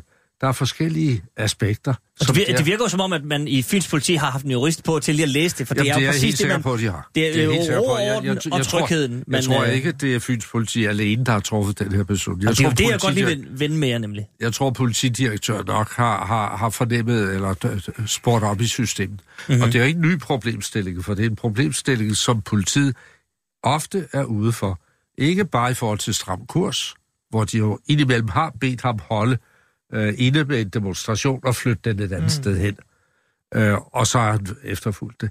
Men de har jo også gjort det som indgreb mod, øh, mod demonstrationer 1. maj, hvor der verserer en sag i øjeblikket om øh, politiets indgreb på dronning øh, Louisebro mm. 1. maj om eftermiddagen, øh, hvor, hvor øh, det er nu tilfældigvis mit kontor, der er det kørende, øh, Øh, hvor vi har krævet af politiet at indbringe det for domstolene, så at man kan efterprøve politiets indgreb, fordi de stoppede, og de visiterede, og de sendte dem ud gennem sluser, og altså stoppede den her demonstration, den nåede aldrig frem til Fældeparken. Øh, og det har politiet forløbig, og det er så politidirektøren i København, afvist at indbringe for domstolene. Fordi man mener slet ikke, det er et spørgsmål om frihedsberøvelse eller hvad. Og det var så ikke politiets afgørelse, det er domstolene, så derfor er det påklaget til Rigsadvokaten, for at de kan øh, øh, gribe ind og sende det til domstolene. Det er præcis den situation, de har været i, tror jeg, med stram kurs, og siddet her der god tid i forvejen annonceret i pressen, mm. at der og der vil der blive holdt den og den rigskongres. Mm-hmm. Og det vil sige, at de, der er imod stram kurs, og som kunne tænkes at lave et eller andet imod noget af det måske ulovligt, det ved jeg ikke. Øh, de har haft god tid til at forberede det. Og derfor har politiet måske med informanter i miljøet, som man siger, fået indtryk af, hvad der foregår. Og, øh, og, og på den baggrund kan det være berettiget at gribe ind. Men der er jo ikke andet at gøre, end at denne kriminelle taber, som han jo er efter egne definitioner, øh, øh, sø, øh, sagsøger eller protesterer og får sagen prøvet mm-hmm. domstolen. Mm. Han er jo også advokat, Bjørn. Ja, det har jeg ved stolthed til. Jeg har tidligere mødtes sammen med ham i forsvar, som forsvar øh, i, i sager. Det har jeg, jeg ikke gjort i lang tid. Men det er jo et vigtigt principielt spørgsmål, det her. Og derfor er det vigtigt, synes jeg også, at politiet ikke har det sidste ord, men at vi får domstolen til at forholde sig til det her. Mm. Men, men, men, men hvor, nu siger du det her med, at det nok, det tænkte jeg da også, at det nok ikke er Fyns politi alene. Også fordi øh, Stram Kurs og, og Paludan er så, hvad skal man sige, øh, ja, et kendt navn, men en varm kartoffel på en eller anden måde. Det er jo ikke første gang, at det her er sket, at, at han har fået aflyst ting, eller fået, fået lov til at gennemføre ting under stærk bevogtning. Altså, er man oppe på, på sådan nærmest justitsministerniveau, hvor der er nogen, der sidder og, og, og skal afveje om, at det her jo er principielt, det er grundlovssikret ret, som Fyns politi med en øh, pressemeddelelse skal, skal have lov at knække det. Er der ikke en... Øh, skal justitsministeren gå ud og kommentere det her og sige et eller andet? Jeg ved godt, man kan ikke Nej, sige, hvis der ikke, er en... Jeg synes ikke, ministeren skal. Man kunne forestille sig, at, at øh, politidirektøren på Fyn, han har sendt op til Rigspolitichefen. Og Rigspolitichefen har måske luftet det over for departementet. Jeg ved ikke, det er mm. gidsninger, det her. Øh, øh, og, og så har departementet, hvor man jo har en særlig afdeling, et salgkontor, som tager, tager politisager, øh, Øh, der har man vel øh, ydet lidt bistand og kunne øse erfaringer fra andre politikreds. Og så har man ud fra, fra det tegnet et, et risikobillede, og så har man draget sin konklusion. Det er altså, hvis jeg prøver at tænke fagligt og, og, og tillægge Justitsministeriet og, og politiet de bedst mulige motiver. Øh, men, men Bjørn, er, Bjørn, er det, at, nej, men er det, sådan, er det så nok, hvis man tegner et trusselsbillede af det, så der har været, så, er der, så har de kommet op og slås her, og så er der det ene, så er der det andet. Er det ikke stadigvæk en situation, hvor man må sige, men det skal politiet kunne håndtere i forhold til forsamlingsfriheden? Jo, men der er jo men det også... skal være en meget konkret øh, ja. trussel, og der kan man måske gå ud og... Og, og derfor vil det... Jeg vil ikke sige løfte sløret, men, men give en lille smule mere information. Det rigtige ville være, synes jeg, at øh, stram kurs øh, indbringer det her for domstolen, kræver mm. det bare for domstolen, fordi det er et, et principielt spørgsmål. Og så vil offentligheden jo også via den uh, retssag, der kommer til at køre i flere instanser formentlig, og måske i højesteret, få indseende med, hvad det er for noget. Mm. Øh, politiet kan ikke bare selv indbringe det for domstolen. Det kræver altså, at stram kurs protesterer, og så skal det indbringes. Mm-hmm. Jamen, det er jeg enig med Bjørn i, at, at det har vi brug for at få afprøvet til bunds det her, fordi det er en glidebane, og det er dybt betænkeligt i forhold til vores grundlov og de regler, vi har. Og den tradition, vi har i Danmark, hvor vi har et øh, større udbredt foreningsnetværk end så mange andre steder, øh, som virkelig baserer sig på, at hvis ikke du laver noget kriminelt, så har du ret til at mødes, og det har du alle steder stort set. Og derfor er det betænkeligt, at, og nu kan det godt være, at I har ret i, at det øh, har været højere op, og det er en større sammenhæng, for ellers vil jeg sige, at, at en lille politikreds sidder og leger med det her, det er dybt, dybt betænkeligt efter min mening. Så det er en glidebane, og den har vi brug for at få afprøvet. Hvis det bliver sådan, at det kan den næste politikreds så også gøre, så synes jeg virkelig, det er betænkeligt. Jeg tror at ikke, man kan kalde Fyns politi for en, en, en lille politikreds. Nej, men det, det er trods alt, det, det, er jo ikke, det, det er jo ikke en landsdækkende kreds, når ellers Nej, det ikke er Fyns. Der er seks politidirektører over hele landet, ja. ikke? og det er en af dem. Så, så, så helt lille er det ikke, men øh, må det ikke, at de har gjort det her. Jeg vil også, kunne da også forestille, sig, eller forestille mig, at man der har, har set på forløb tidligere, og, og, og faktum er jo altså, at Paludan under nogle af sine aktioner har udøvet kriminalitet og er blevet dømt for det mm. ved endelig dom. Det ligger mm. helt fast. Uh, så derfor er risikoen for gentagelse uh, måske vurderet som overhængende, og derfor har man haft anledning til at gribe ind. Men fuldstændig som jeg talte om det på Dronning Louise Bro, at, at, at der uh, kræver man en domstolsprøvelse, så har stram kurs her nærmest en pligt til at mm. indbringe det kræver det bare for domstolen, for ellers så sidder vi tilbage. Og hvis ikke de kræver det bare for domstolen til prøvelse, så vil jeg sige, om så har det været en rigtig beslutning, mm. politiet har ja, det kunne man så sige, at så har der nok været noget dybere mening. Yes. Man kan så bare sige, at det er så lidt ærgerligt, at det ikke kommer til offentlighedens kendskab, så man kan sige, der var faktisk begrundet. Vi ser tilbage med sådan en fornemmelse af, at det er sådan en tilfældig en, at det er det der, der giver vi altså ikke at have her. Øh, så, så er det virkelig betænkeligt. Så, så Men det, Leif, Leif, synes du dermed, at politiet skal være mere åbne i forhold til den konkrete trussel? Ja, man skal, den begrundelse, der skal til for virkelig at gøre det, der, er- der er jo ikke, øh, der er jo ikke kommet noget frem om det. Nej.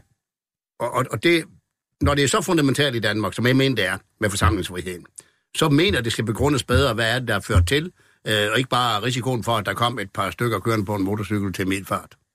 Men Leif, der er vi jo henne ved noget, der minder om sagen om Tibet-demonstrationerne. Og derfor forventer jeg da, at der er kloge gravejournalister, som kræver agtindsigt, søger agtindsigt i den her sag, ja. for at afprøve, om de kan få, og hvis de får det, og det får de vel, hvad de så får udleveret. Og mm. på den måde kan man få den offentlige debat, hvis ikke Stram Kurs sørger for at få sagen for domstolen. Ja. Godt. Ved I hvad, vi lukker den der med en, øh, og det er helt mærkeligt at gøre her i programmet, men en opfordring til Rasmus Paludan om, at- om at bringe det her for en domstol. Men ret skal være ret, og sådan må det være. Øh, lige om lidt skal vi tale om øh, Trump. Nu er der Du lytter til Radio 24 /7. Velkommen til Huxi og det gode gamle folketing med Huxi Bak. Rigtig hjertelig velkommen tilbage her til det gode gamle Folketing. Jeg har heldigvis stadigvæk besøg af Leif Mikkelsen, Pelle Dragsted og Bjørn Elmqvist. Og øh, til nye lyttere, så, så er det altid godt lige at få partitilhørsforholdet med. Leif Mikkelsen, tidligere venstremand, nu LA'er, Pelle Dragsted, enhedslisten, hele vejen igennem, sådan som jeg. For også fremadrettet fornemmer vi. Det er godt, Pelle. Og, og Bjørn Elmqvist, radikal, men også med en, øh, ja, i virkeligheden længerevarende fløjt med Venstre. De her, vi skal øh, for en sjældent gang skyld forlade øh, de trygge hjemlige bredder, øh, fordi Pelle faktisk skrev en mail til mig forleden, om ikke nok vi lige kunne vende Danmarks forhold til, øh, og i virkeligheden jo regeringens håndtering af Donald Trump. Øhm, og det er jo et sto- stort spørgsmål, Pelle. øh, vil, vil du starte med bare lige, sådan lige hvad der, hvad der afstedkom din tanke? Jamen det, det der afsted kom min tanke, var det forløb, der har været omkring uh, Trumps uh, øjensynligt meget enhændige beslutning om at trække amerikansk, nogle få amerikanske tropper ud af 50, af tror jeg. Det var ikke sådan det som helt ligesom store. har stået på grænsen og været en slags fredsbevarende tropper, kan man sige, som har gjort, at Tyrkiet ikke kunne angribe Mm. deres modstandere, øh, nemlig kurderne, som jo er vestens allierede i kampen mod islamisk stat. Øh, og, øh, og jeg synes, jeg har kunne fornemme sådan en, en, en meget, at det har været meget svært for Nikolaj Vammen, og hvor han skulle træde i det her. Altså for eksempel, da der blev indgået den her såkaldte fredsaftale. Mener du Jeppe Øhm, Kofod? Det er ikke for Nej, ja, undskyld, øh, undskyld øh, præcis Jeppe Kofod, ja. vores udenrigsminister? Præcis, yes, sorry. godt. Hvad hedder det? At, øhm, for eksempel, der blev indgået den her fredsaftale, øh, som jo øh, er en ren foræring til, til, til Tyrkiet, som handler om, at kurderne skal trække sig ud af alle deres øh, hovedbyer, øh, og så skal Tyrkiet med deres islamister kunne, kunne rulle ind der øh, med de militser, som, som de har, og i princippet gennemføre en form for, for øh, etnisk Det der, nu, nu, der. og nu må du rette mig, hvis, hvis jeg tager fejl her, men Pelle, bare for at alle kan være med, så, så handler det om, at øh, øh, Tyrkiet ligger op nord for Syrien, ligger nedenunder, og så er der sådan, en, sådan et bælte De vil gerne have et på bælte. grænsen. Og der har kurderne ligesom været. Og så Det er- indgår man det- en det- aftale det- om, at ja. kurderne ligesom skal trække sig ud, og det er ligesom det, det er kurderne der, kurderne, aldrig har det er ville. der, kurderne bor. Altså, Ja. det, er, det er det kurdiske område i Syrien. Det er der, Mm. det alle, er bredere det. er det bredere, men, men, men mange af deres hovedbyer, Kobane, Kamislo øh, og mange andre hovedbyer, ligger præcis i det bælte. Så det er ikke et eller andet ørkenområde, eller sådan man skal forlade. Det er sådan set deres hjemland, som, som de bliver tvunget til at forlade. Nå, men, men det der egentlig var min pointe, det er, at det der var interessant, det var, at, at øh, Jeppe Kofod var ligesom ude at sige, det var godt, nu kom der en fredsaftale. Det var hans første reaktion. Når man så gik over og så, hvad sådan en som Nancy Pelosi skrev, øh, eller andre fremtrædende demokrater, som jeg formoder, at øh, Jeppe Kofod er mere enig med end Donald Trump, jamen, så var de jo langt mere kritiske. Altså, de kaldte det shame, altså det var en, hvad hedder det, en øh, pseudo-aftale, det var ikke nogen aftale, det var, altså du ved, øh, ja, så, så, så den her med at skulle balancere med sådan en, en rimelig uligevægtig, eller i hvert fald meget enrådig præsident, øh, det synes jeg ser ud som om, at det er, har man rigtig, rigtig svært ved, at man på en eller anden måde er nødt til at ikke være alt for kritisk, øh, sådan så man i virkeligheden lander nærmest på Trumps hold, og, og, og faktisk nærmest til højre fra selv en række republi- republikanere i USA, som har været meget, meget kritiske over for Trumps tilbagetrækning. Mm. Men Og det er jo bare et eksempel på, altså, at vi, at vi står i en situation, du ved, hvor man har en, en gammel allieret i USA, som pludselig har en, en virkelig nutcase i spidsen, som mm. man så skal forsøge ligesom at navigere i forhold til, at det kan altså komme til at se lidt, øh, lidt mærkeligt ud i mange tilfælde. Bestemt. Men, men det er vel en sag, som... Ja, netop som du siger, hvis man, hvis man har en mand, som er på lange stræk en form for nutcase, så er Jeppe Kofods job vel også endnu svært. Der var også masser af snak om, at Danmark var skødehund, og Anders Fogh havde kørte jo mountainbike med George Bush og alt muligt, og vi sagde bare ja og ammen og så videre. Men nu er man jo i en situation, hvor, og det har vi jo set med andre lande, at hvis man går ham imod, så kan det jo få sådan en helt altså uforudsete konsekvenser, hvor man tænker, at det er jo, det er jo hinsides logik, det der kommer tilbage. Så Jeppe Kofod skal vel også i landets interesse agere sådan... Øh, ja, skød hun er jo et forkert ord, men han skal jo træde mere varsomt, end man har, nogensinde har skulle, netop fordi det er en, en meget, meget uforudsigelig mand, der sidder der. Jamen, jeg synes bare, at det er som om, at Danmark har lagt sig, lagt sig rimelig meget sådan på den meget forsigtige linje, hvis man sammenligner med andre europæiske lande. Mm-hmm. Øh, Frankrig, Tyskland, men sådan set også Sverige, øh, som har haft en langt mere kritisk øh, linje i forhold til den, øh, den øh, amerikanske øh, hvad kan man sige, tilbagetrækning og hele deres håndtering. Altså Trump har jo haft nogle vilde udtalelser. Han har snakket om, øh, at øh, de skulle lige have et resettlement. Altså det er jo reelt det, han siger, er, at han åbner op for en etnisk udrensning af den kurdiske mm. befolkning i den nordlige del af, af Syrien. Så det er øh, en fuldstændig vanvittig situation, og jeg, og, og jeg synes, man kunne måske godt have forventet en, en endnu skarpere øh, reaktion og måske handling fra Danmark og andre europæiske men, lande. Men hvad skulle, han, hvad skulle handling så være, Leif Mikkelsen? Du, du øh, mm. ser lidt mere skeptisk ud, synes jeg.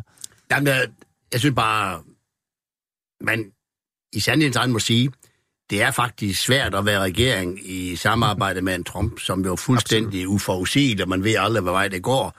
Og, øh, og derfor synes jeg ikke, man kan klandre regeringen for at komme til at se lidt mærkeligt ud i samarbejde med ham. Øh, og de udtalelser, der kommer, altså vi så, øh, pludselig ville han besøge Danmark, så ville han ikke, og det, det er jo en opførsel, der er mærkeligt.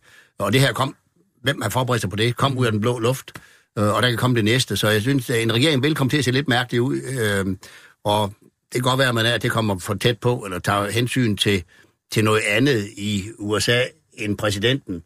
Øh, og øh, det, det er en svær sag, og det, det er svært. Jeg synes, det, det er så en ting. Det mere bekymrende er jo, at, at alt tyder på, at han kan risikere at blive genvalgt og få fire år mere. Øh, mm-hmm. Det er jo mm-hmm. synd for alverdens ting.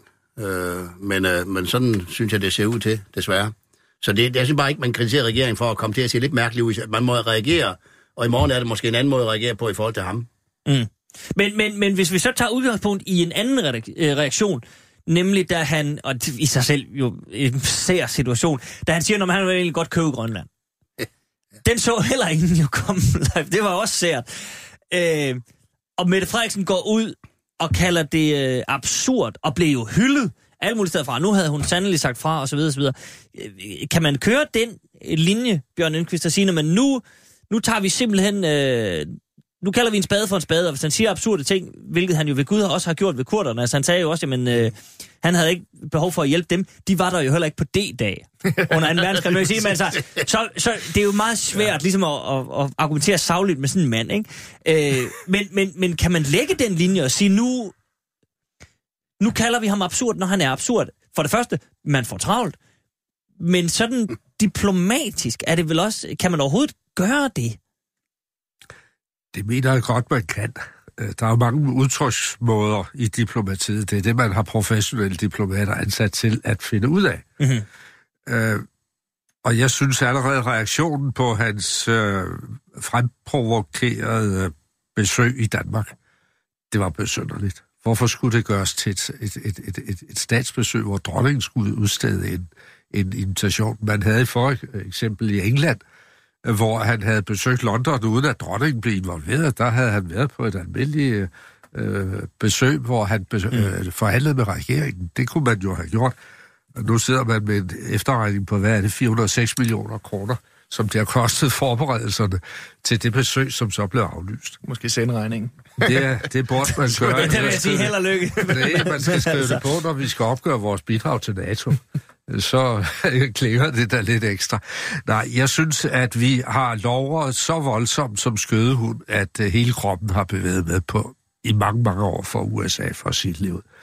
Uh, helt tilbage, og formentlig også, ja, også længe før. Men lad os nu tage udgangspunkt i Irak-krigen. Mm hvor vi lagde os fladt ned og sagde, jamen det er ikke noget, vi tror, det er noget, vi ved, efter at Gordon Powell, den daværende amerikanske udenrigsminister, havde ført FN's Sikkerhedsråd og generalforsamling, tror jeg også det var, bag lyset med nogle billeder, hvor man sagde, at det her, det viser de øh, mobile enheder, der gør, at de kan affyre missiler mod os, og det viser bagefter, at det var en curveball, en skruebold, øh, agent, de havde fået fra Iran, der var, øh, Irak, der var fuld af løgn.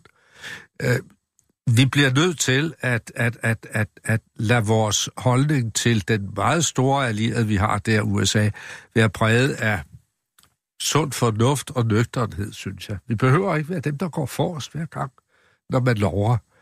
Tværtimod, så bør diplomatiet sikre sig at have en, en, en, en, en, øh, en gruppe, vi kan høre sammen med, mm. øh, og få nogle alliancer, fordi der er lande, der kører en mere skeptisk linje.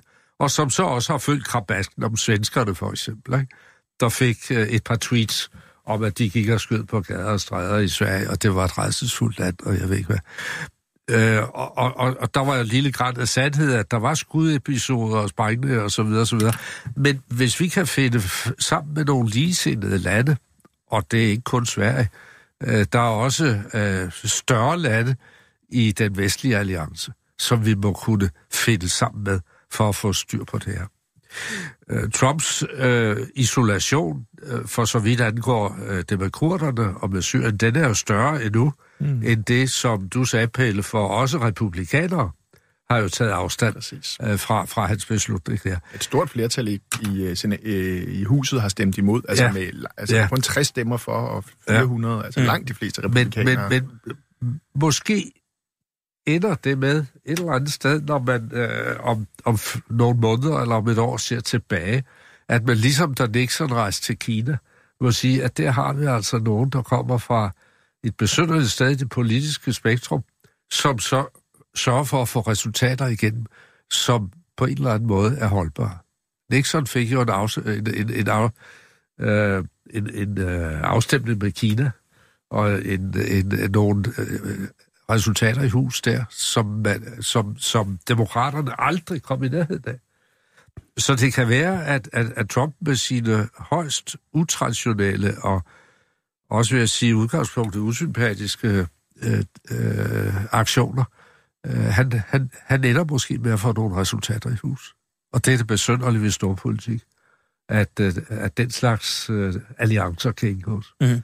Men altså Danmark som lille land, og som et, der ligger øh, åben for, altså i klaskehøjde, er der nogen, der siger en gang imellem, ikke? fordi vi har det der dårlige NATO-bidrag, som vi har sammenlignet med så mange andre, så står vi for tur gang på gang. Lad os finde alliancer, øh, og, og, og på den måde ikke være for os, når vi skal sige fra over for USA, men være en blandt flere. Mm. Mikkelsen? Jo, men øhm, der kommer jo også en tid efter Trump. Jeg erkender, det er meget problematisk med ham, som fører hun derovre. Men det kommer jo igen en tid efter Trump, og derfor vil jeg bare sige, det er helt afgørende, og det er vigtigt for Danmark, at vi har USA som nær allieret. Og det kan man se på historisk, og det er jeg sikker på fremadrettet, hvor øh, det stadigvæk vil være sådan, at øh, det, øh, de forenede stater, de øh, har en større interesse i hele verden end en del af de andre enkelte lande, man kan tage i Europa, selvom de er større, end, end vi er. Øh, jeg tror, vi har, vi har meget gavn af stadigvæk at læne os godt op af USA, øh, når det gælder. Øh, og der kommer en tid efter Trump, uanset at han sikkert bliver genvalgt. Øh, men, men, men, men uh, Leif Mikkelsen, der er det, her forudsætter du jo, at det bliver bedre efter Trump. Ja. Altså, det, du prøver det kan jo også blive endnu mere gakket. Altså, hvis han ligesom har sat noget i gang, og der er jo også dem, der siger, at vi må for alt i verden ikke komme af med Donald Trump, fordi så bliver Mike Pence øh, præsident, og så bliver det endnu værre. Mm. Altså, øh, så, så, så man skal jo måske også være forsigtig på den konto. Men hvis vi skal prøve at, at, at stille et eller andet scenarie op, hvor Jeppe Kofod, for der er jo ingen her, der bilder sig ind, tror jeg, at Jeppe Kofod ligesom ene mand kan stille sig op og gøre noget. Så det, det handler vel om, at man, man, som Bjørn også er inde på, siger fra i fælles front på en eller anden måde. Er det EU, der skal tage den? Skal Jeppe Kofod tage ned og, og, og tage det på nogle møder dernede, eller skal man lave en eller anden alliance? Altså, Merkel synes jo heller ikke, han er øh, helt fantastisk. Skal, skal, skal man gå den vej, Bjørn? Ja, vi har jo fælles forum, der hedder NATO.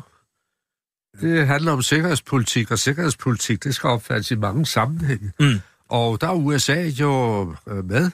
Og, Og- Tyrkiet i det. Tyrkiet, så der kan vi da lave nogle konferencer og nogle, øh, noget, noget, noget snak der. Men, men konferencer og snak, er det ikke, Nå, er det, ikke, er det ikke der, vi altid ender, Bjørn? Og så, så, øh, så snakker vi menneskerettigheder, Nej, og så, så bliver Saudi-Arabien nej, nej, formand et for udvalget for, for kvinders rettigheder, og så, det, der sker Nej. jo aldrig rigtig noget i Nej, NATO. men der skal bag kulisserne forberedes noget, så man inden for NATO får nogle alliancer med de andre lande. Og nu øh, hørte jeg i nyhederne, mens vi holdt pause her, at øh, Tyskland har spillet ud med et forslag om at øh, oprette en fredsstyrke på europæisk plan. Mm-hmm. Øh, ikke nødvendigvis EU, men øh, hvad det nu kan være af lande, der vil være med, som man sender til Syrien øh, på op til 30.000. Og, og, og sådan noget kan man jo bygge videre på, øh, og det kunne måske øh, få et FN-mandat, det ville jo være lykke, om sådan noget kunne, kunne blive tilfældet. Så det ikke er vendt imod russerne for eksempel, der er vigtige partnere derude, eller medspillere, modspillere, men at vi kører det i FN-regi, så vi bygger på så mange øh, søjler som overhovedet muligt, i stedet for at lade det blive en NATO-aktion. Mm. Det ville være det allerbedste, øh, hvis man kunne det, og øh, gerne kombineret med sådan en no-fly zone, som man også i sin tid lavede over det nordlige Irak, som jo førte til de facto oprettelse af et kurdisk selv, selvstyreområde, som, som stadigvæk findes i dag. Jeg tror desværre, at øh, det er for sent. Altså, jeg tror desværre, at løbet er kørt. Altså, Assads øh, styrker er rykket ind i det nordlige Syrien. De er på hele den del, så vidt jeg kunne læse her, lige inden vi gik ind her, så er de ved at sprede sig på hele den del af grænsen, som Tyrkiet ikke endnu er er trængt ind over. Øh, Så det er klart, der har været et vindue, og, og, og det her falder også tilbage på Europa, fordi at øh, Trump sagde jo allerede for et år siden, at han gerne ville ud. Mm. Så det kom ikke som en total overraskelse, det kom en overraskelse den måde, det skete på, altså, som var det, altså det vildeste forræderi. Man laver en aftale med kurderne om, nu, nu patruljerer vi det her område fælles, så fjerner I alle jeres forsvarsværker på grænsen, Øh, og da de så fjerner alle deres forsvarsværker, så siger man velkommen til Tyrkiet. Altså, det er en helt vild og ekstrem historie, det der er sket dernede. Jeg, jeg, jeg tror øh, desværre, at, øh, at, at, at altså, jeg tror, aldrig, jeg tror ikke, at Assad vil acceptere, eller Rusland vil acceptere nu, øh, at, man, at, at man etablerer sådan en sikkerhedszone. Så skulle det være fordi, at det kunne, ja, så skulle det være fordi russerne kunne se en anden diplomatisk øh, idé i, i det, men øh, jeg tror desværre, at løbet er kørt, og og sagen er jo også, at, at, at EU har været i, i, i øh, lige så meget i lommen på Erdogan. Altså, han har virkelig formået at spille sin kort over for USA, har han spillet ved det her med at indgå aftaler med Tyrkiet om at levere luftforsvar. Over for Europa har han brugt flygtninge som, som, som presbold. Og det er jo derfor, vi står i den her situation, hvor han jo angiveligt på en eller anden måde får lov til at gennemføre en etnisk udrensning, eller i hvert fald har gjort det allerede i de byer, som, som Tyrkiet har, har invaderet. Og jo, Jamen, fordi den, den del af det vil jeg godt lige vende med jer også, fordi netop det der handler vel om, at øh, øh, spole tiden lidt tilbage og, og konstatere, at EU indgik en aftale med Erdogan om, øh, hvad der nu nærmer sig 6 millioner flygtninge, som sidder i Tyrkiet, som Erdogan hele tiden bruger til at sige, men det er fint, men så åbner jeg bare sluserne, og så, så snakker vi videre om det. Altså, vi, vi købte ham jo for, hvad var det, 1-2 milliarder, noget den du, ikke? Man stak ham nogle, nogle mm. penge, og så sagde godt, så, så holder du de her flygtninge ud af, ud af sind. Den beslutning martros vel stadigvæk, og det er vel også det, Jeppe Kofod ved jo godt. Jamen, han, han kan sige, hvad han vil, men, men øh, og Trump ved vel også, han er jo han er en nutcase, men han, det der, det ved han jo godt. Mm. Altså, Ja, altså, jeg tænker lidt, øh, at, at øh, fordi Erdogan har jo truet igen med at åbne sluserne, hvis Europa mm. de kritiserer en invasion. Det har man så dog gjort alligevel. Øh, men altså, det er jo ikke sådan, at Europa står uden magtmidler mod Tyrkiet. Altså, Tyrkiet har en økonomisk associeringsaftale med Europa, som de er 100% afhængige af. Deres økonomi er i forvejen ved at bræse sammen med kæmpe høj inflation og faldende valutakurser. Og hvad hedder det? Og derfor mener jeg sådan set, at så måtte man jo svare igen. Men det er man jo altid bange for, for det går også ud over europæiske virksomheder, som handler i Tyrkiet. Så, så, så, så, der bliver det de økonomiske hensyn, der, der vejer tungere end, end de humanitære. Men, men selvfølgelig har man nogle magtmidler, man kunne bruge over for mm-hmm. Tyrkiet, hvis man ville. Men det er vel igen et billede af, at beslutningskraften i EU øh, ikke er til stede. Altså det er, hvem skulle sige hvad i sådan en sammenhæng. Det er også derfor, man har på hænderne, mens Trump egentlig har sagt for længe siden, han vil ud, og der sker ingenting. Øh, lidt det samme med vores bidrag i NATO, øh, hvor det er først, når vi virkelig får skruerne på, at vi rokker os lidt.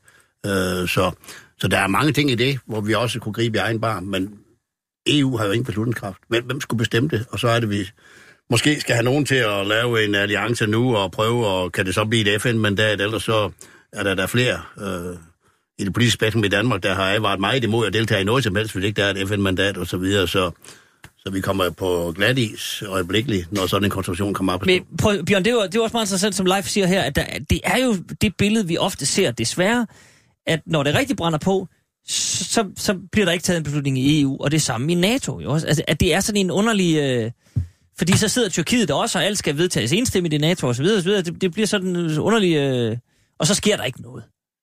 Så kan vi snakke om det indtil, øh, indtil tiden er gået, og så er det for sent, og så har vi glemt det. Nu ved vi jo ikke, jeg ved ikke i hvert fald, hvad der foregår bag, i NATO bag lukkede døre. Fordi det ville dog være naturligt, at man der havde nogle øh, sonderinger, nogle kontakter. Øh, der har man mange af de medspillere, der er helt centrale. Tyrkiet er der, USA er der, de europæiske lande er der. Så hvorfor ikke gøre det der? Øh, jeg ved ikke, det er jo ikke noget, der øh, gør, at man indkalder NATO-rådet, fordi så bliver det formaliseret osv. Men, men, men der må være, eller det er der forskellige fora i NATO, hvor man kan drøfte de her ting. I første omgang mellem de faste repræsentanter, altså ambassadørerne i Bruxelles, der er NATO-ambassadør. Jeg ved ikke, om det foregår. Hvis det ikke foregår, så er det katastrofalt. Mm. Øh, der er noget, der tyder på, at de ikke er ret langt fremme i det. Mm. Fordi man skal da dialog man bliver nødt til at dialogere med Erdogan. Han er til møde i dag med Putin, øh, et sted i Rusland ved det sorte hav, eller hvor det er. Og det bliver så spændende, hvad der kommer ud af det. Men der har vi også et problem. Vi er så russofobiske, at vi overhovedet ikke kan se, at vi kan bygge på noget som helst konstruktivt med russerne. Men når de er så vigtige medspillere i området, så bliver vi nødt til at gøre det. Ligesom i forhold til Iran. Men det er som om, der er nogle ting, som vi sådan kører fast vi har nogle faste øh, ting inde i vores hoved, og, og de kriterier eller de grænser vil vi aldrig overskride. Jeg kan ikke lade være med at komme den krølle på, at nu øh, vrider vi hænder i Danmark officielt over, at det går så galt for YPG og kurderne. Og det synes jeg er helt rigtigt. Men ikke desto mindre, så har vi altså straffet de folk, der er rejst ud for at hjælpe YPG i kamp mod IS. Jeg var i højstret med en, der havde været dernede, og kæmpede sammen med, med, med dem, øh, YPG-folkene, mod kurderne, og han fik seks måneders fængsel. Mod islamisk stat. Han sidder, ja, ja. mod øh, islamisk stat. Ja. Han sidder over i, i Nørresnede nu og afsoner de der seks måneder. Vi har sendt det til Strasbourg, vi må se, hvad menneskerettighedsdomstolen siger til det. Men hvorfor i alverden har man fra dansk side, fra regeringens side, ikke i tide fået rettet op på det der? Og når man taler om fremmedkrigere, jamen så dækker det også dem, der tager ud for at kæmpe imod IS. Sammen med mm. USA, altså med luftstøtte fra USA. Ja, det, det er fuldstændig... det, der, det, der mangler logisk ting. Ja. Jo, men hele, hele den der sag med fremmedkriger og, og Mathias Tesfayes nye øh, tiltag. Altså, vi vendte, vi vendte det i sidste uge, vi kan sagtens lige tage en, en runde mere på det, fordi den er jo kørt hele ugen. Og det er da også en spejlet sag, altså. Hvordan det ligesom hænger sammen live. Mm. Øh, at, at, for det første skal vi lige vende igen det faktum, at til synlædende Mathias Tesfaye, integrations- og udlændingeminister, skal tage den beslutning helt alene. Jeg er med på, selvfølgelig bliver der stukket ham nogle papirer, og han får en briefing på, sådan og sådan ser det ud af det ene eller andet. Men at det de facto er ham, der træffer beslutningen. Det står i papirerne, han har selv været ude at sige det. Altså, det er da... Det er da bizart. Det, og det, det, det, apropos, nu taler vi om det her med grundloven og Fyns politi osv., der er også noget grundlovsmystisk øh, ved det her med, med magtens tredeling, der, der fuldstændig sejler her, ikke? Ja, nu har vi magtens tredeling. Og der, ja, det, det har vi. Der er jo ingen tvivl om, der er ingen tvivl om at det er rigtigt, øh, og, at Folketinget skal vedtage lovene, og så er det regeringen, der udfører det. Så det, det er der ingen tvivl om. Og, og det, der kan man sige, hele øh, integrationsområdet, der har vi jo et særligt men, men, bare lige for, udvalg, vi altså, særligt udvalg i Folketinget, som det, det billede. Hvad siger du? Nå, men det er jo bare, altså Mathias Tesfaye bliver jo dømmende også i den her sag, ikke? Hvis du tager domstolene ud af det her, og det er Mathias Tesfaye, der træffer afgørelserne i, i de her sager, ja. Så ryger forholdet jo. Ikke i tredelingen som sådan. Spørgsmålet er, om, om, der, om der er mere at gøre, efter han har besluttet. Om det kan indbringes. Det kan det jo. Det kan det, i, i, i princip, jo, jo, principielt det kan det, kan det men, men jeg tror, man har 10 dages øh, betænkningstid, og hvis man lige kan finde noget wifi nede i den lejr, man sidder i, og sådan noget, altså, og har tjekket sin e-boks og sådan noget, det er jo, jo. altså ja, men så skal man selv, situation. Man skal selv udtage stævning mod staten. Ja, ja, skal præcis. selv finde en advokat, der gør det. Præcis. Og så kører det i den civile retsplejes øh, former. Og det vil sige, at når stævningen er modtaget i retten, så vil de give modparten to måneder til at komme med et svarskrift. Og når de to måneder er gået, så skal øh, den, der stod for stævningen, komme med sin replik, og derefter, det tager to måneder mere, så tager to måneder for at få en duplik, og når man så er færdig forhandlet på skriftlig plan, så skal den foretages mundtligt i første instans. Så mm. det vil sige, der vil gå adskillige måneder, måske år før sådan en sag kommer for domstolene. Og alt den tid har man fået frakendt det. Uh, vi har i Retspolitisk Forening, nu skal jeg lige gøre en lille reklame, lavet et modforslag og sige, hvis virkelig det skal være en ministerafgørelse, det her, så skal den, øh, det, det går ud over at have krav på, hvis han siger det, at få det indbragt af staten for mm. domstolene. Og så skal det køre efter strafferetsplejens øh, regler. Øh, og så skal det fremmes meget hurtigt. Det er mm. inden for ganske få dage, at det så skal foregå, og der skal beskikkes en advokat. Mm. Problemet er, at der samtidig vil køre en hemmelig sag, hvor han har fået en hemmelig advokat, som han aldrig må tale med, og advokaten må ikke tale med ham. Så vi er langt, langt inde i den kafkaske hemmelige strafretspleje på den her måde. Så er der nogen, der har sagt, så lad Folketinget afgøre det her. Nej, mm. nej. For folketingsmedlemmer har ikke, politi- har ikke uh, retligt ansvar. Så en folketingsudvalg kan ikke sidde og fratage mm. folk rettigheder. Det har vi mm. tvinddommen, ja. uh, dommens ord for fra højesteret.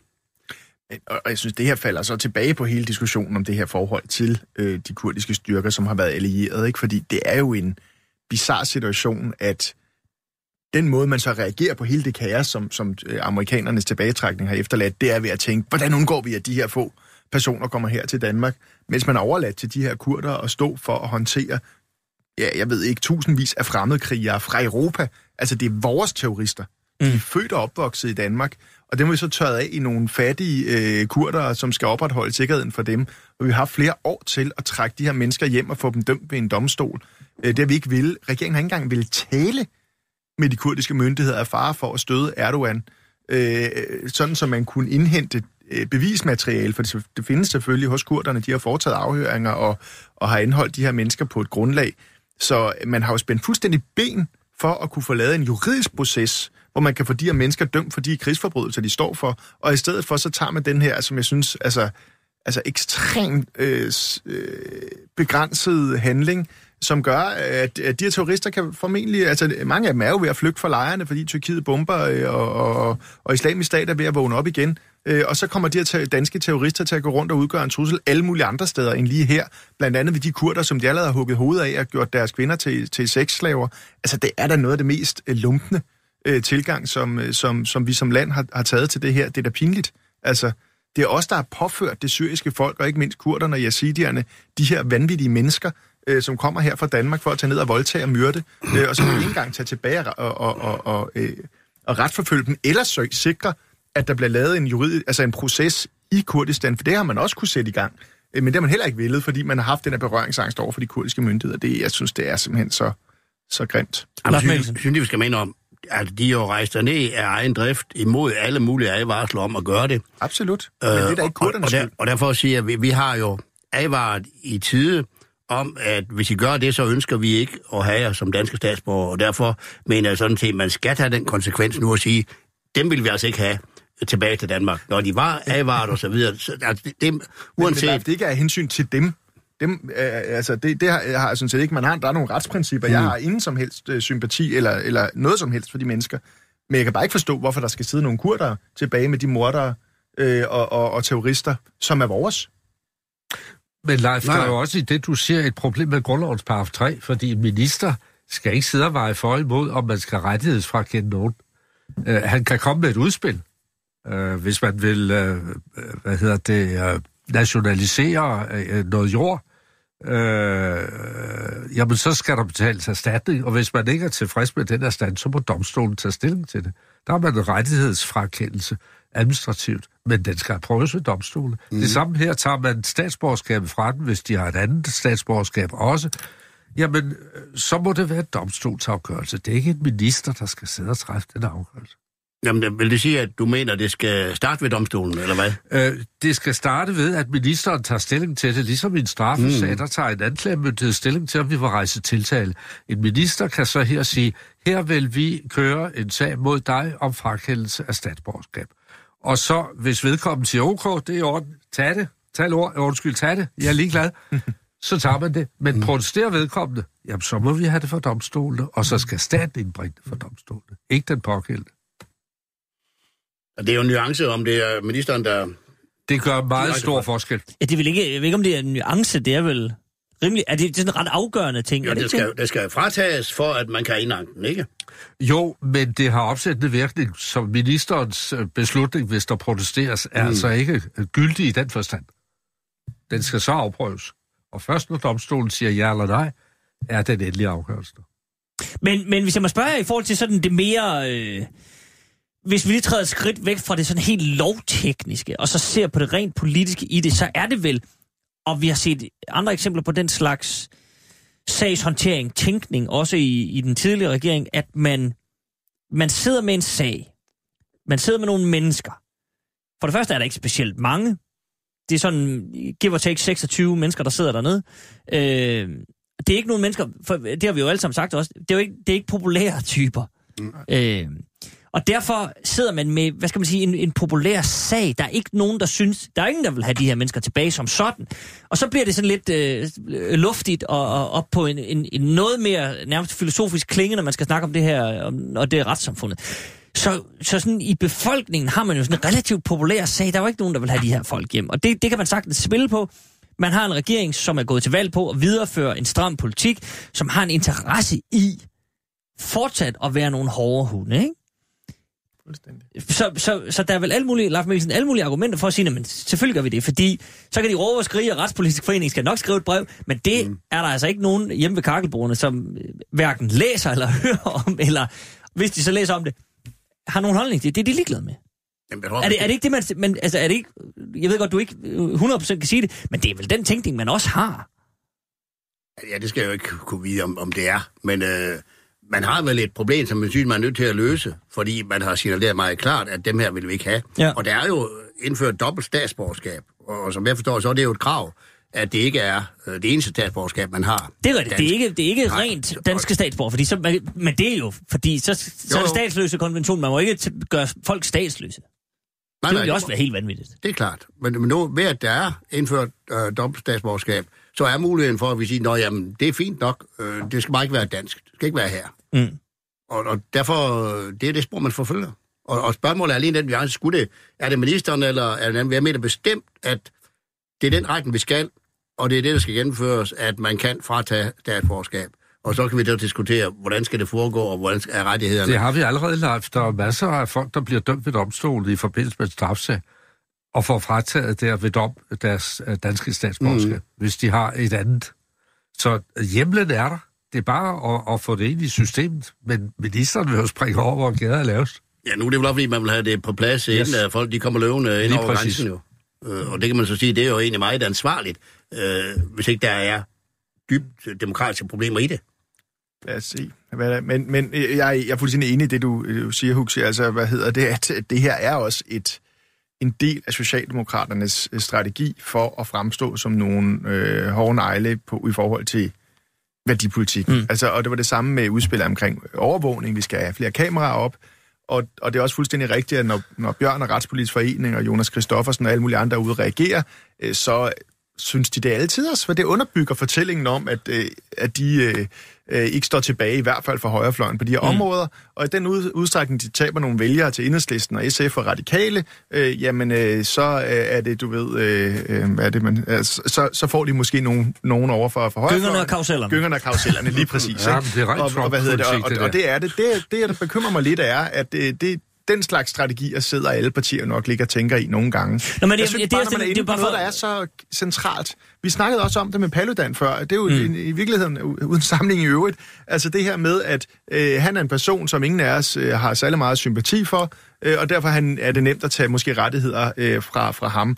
Øh, og det samme med de her mennesker. Men, men det er jo lige præcis i de her situationer, når det er svært, øh, at, hvad kan man Nå, sige, og, og, og bare lige for at nævne nogen, over på den blå side, det var jo også øh, hele, nu starter kommissoriet i, i dag morgen, tror jeg, med, med Inger Støjberg, og de såkaldte, for jeg ved, du opponerer, øh, Bjørn, barnebrud.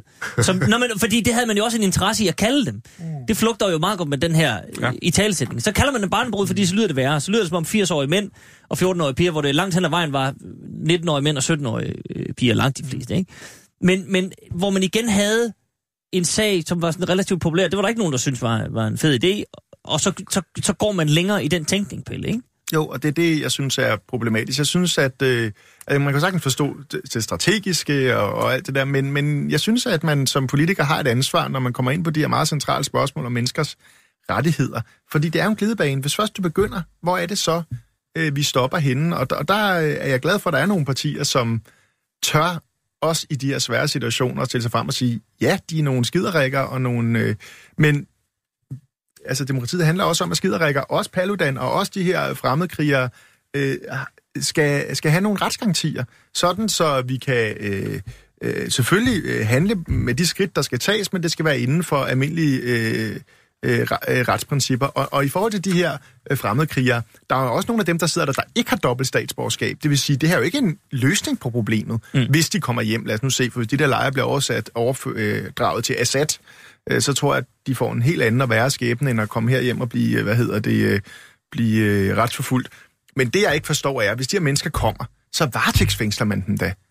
Og det er der Altså, ikke man ved tvivl hvem om. de er. Og det er der ikke i tvivl om, at man vil kunne få alene det, at der jævnført de andre sager, vi har haft med mennesker, der har kæmpet på den rigtige side, og hvordan man har slået til over for dem. Øh, altså, de er blevet, deres hjem er blevet stormet af politi. Altså mennesker, som har kæmpet sammen med USA mod islamisk stat. Så jeg er ikke i tvivl om, at, at man vil kunne øh, varetægtsfængsle de her mennesker øh, og holde dem i en god periode, i hvert fald en periode, hvor man kunne gennemføre de her øh, retsprocedurer omkring frakendelse af statsborgerskab. Så jeg synes, der er noget pseudo ved den her øh, diskussion. Altså, mm. Mathias Tesfaye får det til at fremstå som om, det er den eneste måde, man kan garantere danskernes sikkerhed. Det har jeg bare meget svært ved at se. Jeg vil lige referere til, der er lige tjekket et, øh, et, et sådan set meget interessant spørgsmål ind på sms'en. Øh, fra øh, Thomas Andersen, som skriver, gælder det så bare om, og det er jo de her øh, med dobbelt statsborgerskab. Han skriver, gælder det så om, bare om at komme først med at fratage det ene statsborgerskab, hvis det andet land, som vedkommende har fra, statsborgerskab, i fratager dem det først, de er vel heller ikke interesseret i at have dem. Det er jo en meget god pointe. Ja. Altså er det også det, man tænker, hold kæft, nu skal vi skynde os, fordi ellers så, Uh, så er det fra den anden side. mange af dem, der, der, der er inde i billedet her, det er nogen, der har tyrkisk og dansk statsborgerskab. Mm-hmm. Og øh, tyrkerne vil ikke nødvendigvis strafforfølge dem. Øh, der er Men hvis nu tyrkerne, hvis nu Erdogan, ja. Som jo nogle gange har lumpende motiver, det har vi jo talt om før, han kunne da godt finde på at sige, at der sidder 26 mennesker, det gider jeg da ikke. Og hvis der er nogen, der kan fjerne noget administrativt med lynhurtigt, så er det da ham. Han har sikkert et stempel, hvor der står liggende allerede. Det så er siger de meget bang, svært bang, at bang, slippe af med det tyrkiske statsborgerskab. Der er nogle af dem, der bliver naturaliseret, altså danskere, Mm. får dansk statsborgerskab, der søger om at få ophævet det tyrkiske statsborgerskab, og som får nej. Men, tror, men jeg mener bare, tror du ikke, det tyrkiske styre kan sige... Nu er det, det er jo et tænkt eksempel her, men der, det styr, tyrkiske styre kan vel godt sige, det er pludselig gået op for os, at der sidder 26 mennesker dernede, som er terrorister. I hvert fald potentielle terrorister, ikke? Øhm, dem, kan, dem får vi simpelthen bare lige klippet ud af systemet, så, så har vi så er der intet ansvar for os. Jeg tvivler på det, fordi Det er en lille pressionssag over for Danmark, det, det er da fint. selv de folk, de kurder, dem af kurdisk oprindelse, der bor i Danmark, der har dobbelt statsborgerskab, de har haft svært ved at komme af med deres tyrkiske statsborgerskab. Selvom tyrkerne ikke kan lide kurder. Men er det, er det ikke fordi, Så- at nogle af de kurder, der bor i Danmark, dem har man en interesse i, ligesom at, hvad skal man sige, have snablen i på en eller anden måde? Jo, og måske kunne strafforfølge. Ja, ja, ja, præcis. Ja. Ja. Men de her, hvis man er ligeglad, det kan man vel lige. Men det er ikke udelukket. at situationen. kunne, det kunne også være folk, der havde andre dobbelt statsborgerskaber Ja, ja, end, ja. ja. end, end tyrkisk og dansk, men, men det er nok lidt farfetched, men altså... Og jo, det, men, nu, vi er jo... Vi, men det, så er det, jo et kapløb, fordi at du, må ikke, du, du må ikke være den sidste, der fratager. I hvert fald ikke, hvis du skal holde dig inden for Præcis. statsløskonventionen. Så. Okay. Øh, men så bare lige for at, at, at, at runde regeringens tilgang til det her, øh, og, og så kan vi jo lige trække cirklen helt op og komme tilbage til, til Trump og forholdet til USA osv. Øh, Bjørn var også inde på det, fordi det var jo interessant, tænkte jeg også, og det tror jeg, der var flere, der tænkte, øh, og, og i virkeligheden så frem til med en vis sådan gru, at dronningen og Donald Trump skulle mødes. Det virkede som om, at dronningen ikke var, nu kender jeg hende ikke så godt, men synderligt interesseret. Øh, det, jeg tror, det er ganske få interesser, de deler. Øh, men det her med, at hun stod som afsender på invitationen, var jo interessant. Jeg er ikke sikker på, at det er en initiativ, der er kommet fra hende. Det er jo sådan en regeringsbeslutning. Men Leif Mikkelsen, hvor, hvor- hvor- der ligger jo også et signal i det, at Danmark gerne vil sprede rosenblade og, og gøre sine hoser grønne over for Trump og sige, det er simpelthen, du, det er med kongehus og guld og diamanter og hele pakken, ikke? Øhm, Jo, men det har vi jo gjort før. Og mange Ja, ja, gange sindssygt, vi har gjort det før. Det er bare det, jeg USA's præsident der er jo altid blevet modtaget på den måde i Danmark, når der var anledning til det. Mm. Øh, og det har vi været øh, del af, af den politiske spænding har været stolte af det og glade for det, og synes, det var helt i orden, og andre har, har nok ikke. Men, øh, men at det er i orden, og derfor skal man lige huske, det er, det er USA's præsident jo, øh, og det er så, han her så der er Trump i øjeblikket, men, øh, men det er jo det, øh, jeg synes bare, man skal notere sig.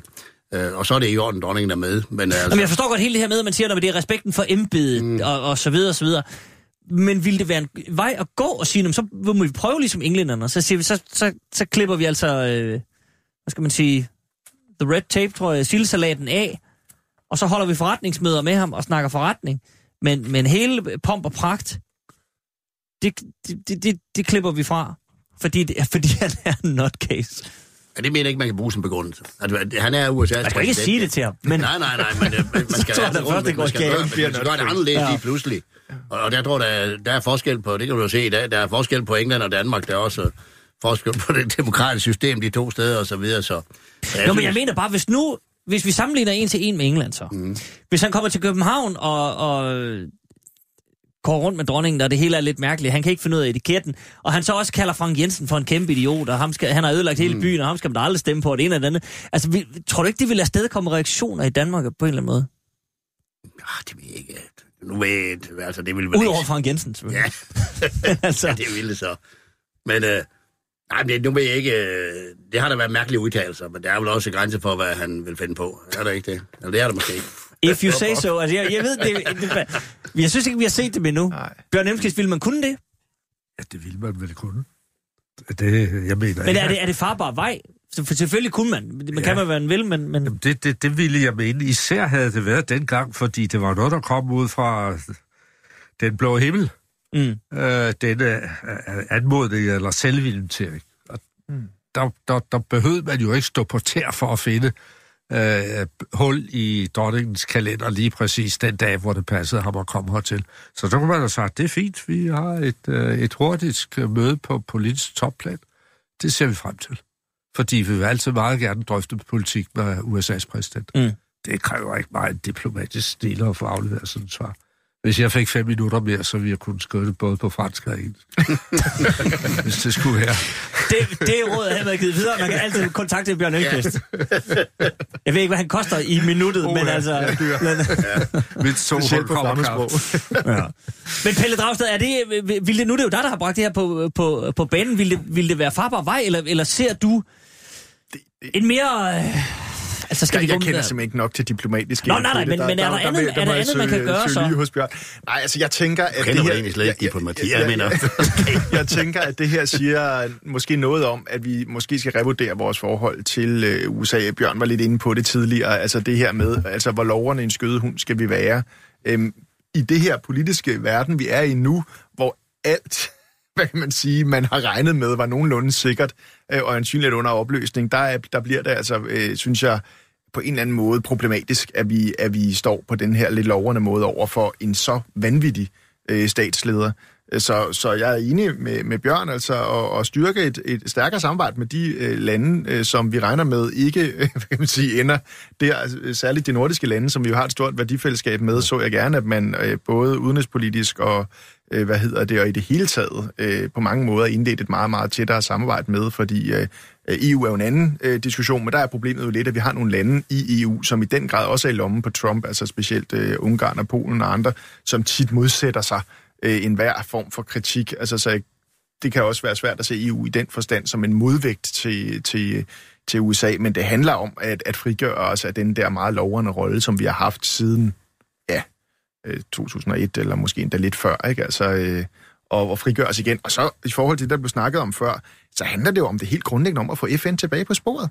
Altså, det er jo ikke siden Bush erklærede FN som irrelevant, der er vi jo ikke kommet tilbage til det naturlige spor. FN er jo den eneste ramme, hvor sådan et spørgsmål som det her i Tyrkiet, eller undskyld, i Syrien, skulle have været løst.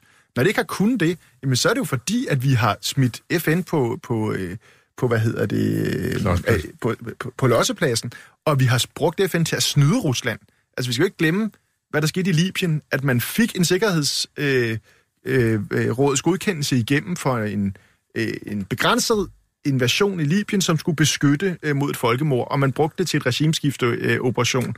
og det er jo det, som både Rusland og Kina siger øh, nu, bruger som argument for at blokere for nye FN-interventioner i andre lande. De siger, jamen, vi stoler ikke på, at det her ikke vil blive mm. brugt.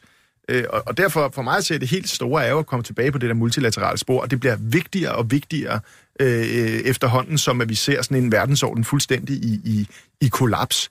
Altså øh, specielt når USA er ved at trække sig tilbage, og det er på godt og ondt, vil jeg sige, øh, så, så bliver der i den grad behov for at styrke sådan det multilaterale samarbejde. Og der ser jeg ikke NATO som, som det rigtige forum. Altså NATO er en mærkelig konstruktion, som i mine øjne burde have været faldet bort sammen med Varsava-pakten. Altså det er jo en konstruktion, som, som stammer tilbage fra den, fra den kolde krig, og i mine øjne i dag bare en, en, en geopolitisk øh, hvad kan man, stormagtsinteresse på lige fod med alle mulige øh, andre, og med lande, som vi overhovedet ikke deler værdier med. Altså Tyrkiet er et islamistisk, øh, øh, voldsomt undertrykkende regime øh, lige nu, som fængsler menneskerettighedsforkæmper og journalister i hobetal. Altså hvad er det for et værdifællesskab, vi har med Tyrkiet i NATO? Øh, Øh, så, så derfor så, øh, så vil min holdning være, øh, og det er der jo næsten ingen, der snakker om mere bizart nok, men det er jo at få, få genoplevet FN. Og det kræver at man genopbygger en tillid. Og der er jeg enig med, med Bjørn i forhold til Rusland og i forhold til Kina. Man er nødt til at genopbygge en tillid. Det er svært i forhold til Syrien, ikke? fordi Rusland har ageret med så stor brutalitet over for den syriske befolkning, at, at, altså, at, at det støder mig at overhovedet skulle se dem som en, som en, øh, nogen, der skal spille en rolle i den, i den permanente løsning dernede, men man kommer jo nok ikke uden, udenom det. Mm. Ja. ja, man bliver nødt til at gå ind i de store linjer der i, i, i verdenspolitikken. Øh, et aspekt, øh, som hører hjemme der også, det er Arktis, øh, hvor vi jo har en, en, en række interessefællesskaber, også konflikter, med vores kære nabolande, Norge, Finland, Sverige, og hvor Rusland er en vigtig spiller, og hvor USA og Kanada jo også er med. Ikke? Og, og, og, og det som argument yderligere for, at vi begynder i dansk udenrigspolitik at gå ind i de store linjer og FN. Øh, jeg tror, jeg, sy- jeg synes, jeg på det seneste har læst meget fra USA om, at man ikke vil tilbage til rollen som verdenspolitibetjent. Det er, noget... det, det, det, altså, det er jo decideret blevet udtalt af, ja. af Trump, ikke? Det, og det, det, er ikke kun, det, man... det er ikke kun Trump. Mm. Det er også, det er mm. også øh, øh, i øh, udbredte kredse i, hos republikanerne og hos demokraterne. Øh, demokraterne snakker ikke så meget om det lige nu, fordi de har andre ting på tapetet med deres mange præsidentkandidater. Men, men øh, det bliver vi jo nødt til at forholde os til, og jeg mener da, det ville være forkert, om vi kom med på det hold, der krævede at USA, at de skulle fortsætte som mm. verdenspolitibetjent. Der er der masser af gode argumenter imod. Mm. Netop for, at vi kan få det lagt over på det helt multilateralt, og det, det, det, er så, øh, det er så FN. Og der er jo kolossalt mange problemer, der skal løses på global plan. Mm. Jeg behøver bare sige det grønne, for eksempel. Ikke? Mm. Det, det er jo ikke noget, vi kan klare i NATO. Det er ikke noget, vi kan klare i EU. Det skal op på det. Og flygtningene. Ja. Men det er meget sympatisk at pege på FN, og det er jeg sådan set enig i, at det burde stille en større rolle, men jeg var så heldig at besøge FN sidste år for at orientere mig alverden ting, og man kan bare stå tilbage med fornemmelsen af, at de lammer sig selv. Ja. Det er jo en konstruktion, man ikke kan komme ud af. Der vetoret og så videre ude i alle hjørner. Og derfor, man kommer jo ikke videre. Altså, når det begynder at betyde noget, og hvor det er de store spillere, der er involveret, så lammer man sig selv. Og, og derfor er spørgsmålet, hvad er løsningen så? Så FN i den nuværende konstruktion er jo så åbenbart ikke løsningen, desværre. Men, men der er jo en grund til, at man er nået til den situation, hvor man lammer sig selv. Fordi vi har jo eksempler på, at FN og stadigvæk spiller positive roller rundt omkring med fredsbevarende operationer. Det var i kølvandet på øh, den her meget unilaterale tilgang øh, fra USA, altså i forbindelse med Irak-krigen, senere i forbindelse med Libyen, at man underminerede FN øh, og skabte en enorm mistillid til de beslutninger, som rent faktisk blev taget i Sikkerhedsrådet, fordi man brød de mandater, der var givet. Det er, jo, det er jo der, hvor den her mistillid er skabt, og det er jo klart forudsætning for, at man i et system med vetoret faktisk kan tage nogle beslutninger, der er der en tillid. Øh, og, og det er den, der skal, der skal bygges op igen. Øh, og, øh, og, det, og, og det er øh, fuldstændig nødvendigt, fordi jeg er jo enig med, med Bjørn, det er jo lidt bizart for mig nu her i forhold til øh, Syrien og, og, og det nordlige Syrien og kurderne, ikke at sidde og sige, nej, nej, nej, USA skal blive, øh, sende flere tropper. Jeg plejer jo sådan set at have den modsatte holdning, at USA skal holde snitterne væk for konflikter alle mulige steder i verden. Men det er jo i fraværet af et FN, at vi har måttet leve med det. Altså det bedste havde jo været, hvis FN var gået ind og spillet en aktiv rolle i forhold til den syriske borgerkrig, havde på et tidligt tidspunkt bragt parterne til forhandlingsbordet og, og, og, og, og, og gennemtvunget en eller anden form for demokratisk transition. Det havde man kunnet, hvis man havde kunne finde ud af at snakke sammen med Rusland, for uden Rusland havde Syrien ikke kunne vinde krigen over. Øh, men, men der var man for optaget, også i USA og i Danmark, af et regimeskift øh, tidligt i forløbet, øh, og, og det er det, der har været med til at føre os hen til det forfærdelige sted, mm-hmm. hvor, hvor vi er endt. Et andet eksempel på amerikansk enegang, som har ødelagt forsøg på at lave en internationalt øh, forpligtende retsorden, det er jo den internationale krigsforbryderdomstol, som er ratificeret også af USA, men med det forbehold, at ingen amerikanere vil skulle kunne stilles for, for den domstol. Det vil de ikke finde sig i. Øh, så, så der er mange eksempler på, at med en mere øh, positiv tilgang fra alle de centrale medspillere, der ville man kunne få gang i FN igen. Mm-hmm. Men øh, nu er det så let at skyde nogen i skoen, at de altid vetoer, og, og det er jo så typisk Rusland eller Kina, der får det at vide. Men det eksempel, som Pelle nævner her, det er ganske slående og, og, og ganske nedslående, vil jeg sige. ja. øh, fordi øh, hvis man havde bygget videre af den vej, så havde der dog været noget at, at, at, at tro på. Mm. Så ser jeg bare lige, nu har vi fem minutter tilbage, en, en, en måske helt øh, kedelig ting. Og det er vel også, at, at vi sidder her i et lille Danmark, og Jeppe Kofod kan jo godt forsøge at svinge sig op på den her store klinge og sige, at vi skal, vi skal have tilliden til FN tilbage og øh, så videre. Men han står vel også, fordi vi er det her lille land, i en situation, hvor der så er nogen, der vil sige, jamen altså, jo mere vi lægger os ud med, med USA på den ene eller anden måde, det vil også gå ud over noget eksport. Så skal du lige forklare os, hvordan, altså, hvad kommer det til at koste, Leif Mikkelsen? Det, det er vel også, der er vel nogle interesser der, som han lige skal, jo, det skal have talt forbi på en eller anden måde, skal han ikke det? Jo, men der, hvis man nu ser lidt mere orden på det, så er det jo i sidste ende uh, spørgsmål om vores egen sikkerhed. Altså, hele øh, øst-vest-diskussionen øh, kan jo godt leve stadigvæk. Altså, der er jo stadigvæk øh, forskellige interesser i øst og vest her i Europa, så øh, det med øh, USA, jeg vil bare fastholde, at det er en væsentlig garant for vores egen sikkerhed, at de er, at vi er tæt forbundne øh, via NATO. Øh, Men kan vi være sikre på, at han kommer? Vi hjalp jo heller ikke på D-dag. Ja. ah, der var nogle... Der var, der var nogle stykker, der ganske var. få. Ja, ja, det er rigtigt, det er rigtigt, men jeg er sikker på, at han ikke kan huske dem. Ej, men, men, men, jeg, tror, altså, jeg tror på, at han kommer, hvis det er. Men, men, men, men er der et, et lille økonomisk øh, perspektiv i det også? At der, der, skal jo, der er jo nogle, øh, nogle eksportaftaler, og tit er det jo. Så det er jo der, det ender. Så er det sådan noget, men det, puh, det bliver dyrt det her. Så gør vi sgu ikke noget. Altså, det, det har at gøre med, at uh, WTO et eller andet sted er blevet lagt på is af, af for eksempel USA. Altså World Trade Organization. Ja, ja, ja. Det, der Jamen, handelsaftaler er jo ikke noget, han giver noget for, hvis ikke han selv har lavet Overhovedet altså. han blæser det halsfuldt, ikke? Mm. Og, og øh, du kan se, hvordan med, med flyselskaberne og de tilskud, der er givet, øh, der har WTO i øvrigt legaliseret eller legitimeret ham til at øh, hæve nogle tolvsatser over for, for Europa. Og nu øh, er man ved at undersøge det for Europas vedkommende, og det viser sig, at amerikanerne også har brugt tilskud, så nu må man fra europæisk side godt rejse deres tolvsatser i, i en kamp mod USA. Det, det, det, det er blevet fuldstændig en parodi på internationalt samarbejde, hvad der foregår i WTO. Og er der nogen, der blæser WTO'en hatfuld, så er det amerikanerne mm. i deres øh, opgør med kineserne. Kineserne er dem, der støtter sig mest på WTO's regler efterhånden. Øh, der ligger det i øjeblikket med, med handelsforhandlinger og, og tolvsatser. Det, det, det er brugt sammen. Mm. Det dilemma, som du beskriver, er der selvfølgelig. Som en lille stat, øh, det, vi ser det jo hele tiden i forhold til Kina, altså det der mærkelige måde, man skal formulere sig rundt om kritik af, mm. af de kinesiske styres mm. øh, øh, knægtelse af menneskerettigheder og alt muligt andet. Øh, og, det, og, og det eneste svar på det er jo, er jo det, vi har snakket om tidligere, alliancer. Ja. Altså det er, at man kan ikke som lille land alene øh, gøre det her. Derfor må man tale i kor med nogle andre, sådan at man ikke kan blive spillet ud mod hinanden. Øh, for det er jo også det, Trump øh, jo prøver, ikke? Altså, hele hans diplomati handler jo, altså, det er jo som om, at han skal lave en ejendomshandel, ikke? Øh, det tror jeg, sådan tænker det ja, selv. sådan tænker han det også selv, ikke? det, det, er jo, det, er jo, det er jo fuldstændig bizart øh, øh, måde at drive international politik på. Jeg er nok lidt mere skeptisk end Bjørn i forhold til, om der kommer pludselig kommer sådan noget Nixon goes to, to China ud af det. Jeg, jeg tror desværre, at det, at det efterlader en mere, øh, altså øh, specielt i det her tilfælde med Syrien, altså der har man bare spillet bolden af hånden og givet den til, til, til Putin og, og Assad, og så har man offret kurderne i, i den mm. øh, forbindelse. Spændende er det i hvert fald. I, I mangler bedre udtryk. Vi når ikke mere øh, i dag det her, men jeg vil bare lige øh, skimme ned over min, øh, min sædel og sige, jeg synes også, vi kom, øh, kom godt omkring. Sådan set.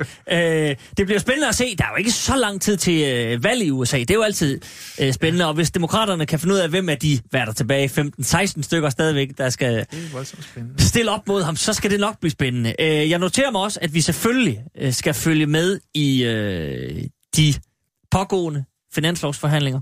Der... Øh, Selvom, uh, Leif, jeg ved godt, du siger, at den er, den er sådan set klappet af, og den skal mm. nok lande og sådan noget, så er der, der er vel lidt at kigge på stadigvæk. Altså, der skal være lidt drama. Altså. Jamen, jeg ved godt, det bliver ikke helt vanvittigt, men altså, der er der, der, er der, lige, der er der lige lidt. Og så holder vi jo selvfølgelig øh, øje med de seks røde pressechefer, og om, ja. det, om, om, det, om det bliver ren oplæsning af piu piu, vi er, vi er vidne til, eller hvordan og hvorledes. Der er hovedkilde til. Præcis. præcis. Men jeg vil bare sige uh, tusind tak for det til Bjørn Lemqvist, tak til Pelle Dragsted, tak også til Leif Mikkelsen, og ikke mindst tak til Sanne ude i uh, teknikken. Vi er tilbage, muligvis med sidste udsendelse i næste uge. Det finder vi ud af kl. 16. Indtil da, Tak for i dag. tak. Banke, banke på. Hvem der? Det, det er spicy. Spicy hvem? Spicy Chicken McNuggets, der er tilbage på menuen hos McDonald's. Badum, bom, tji.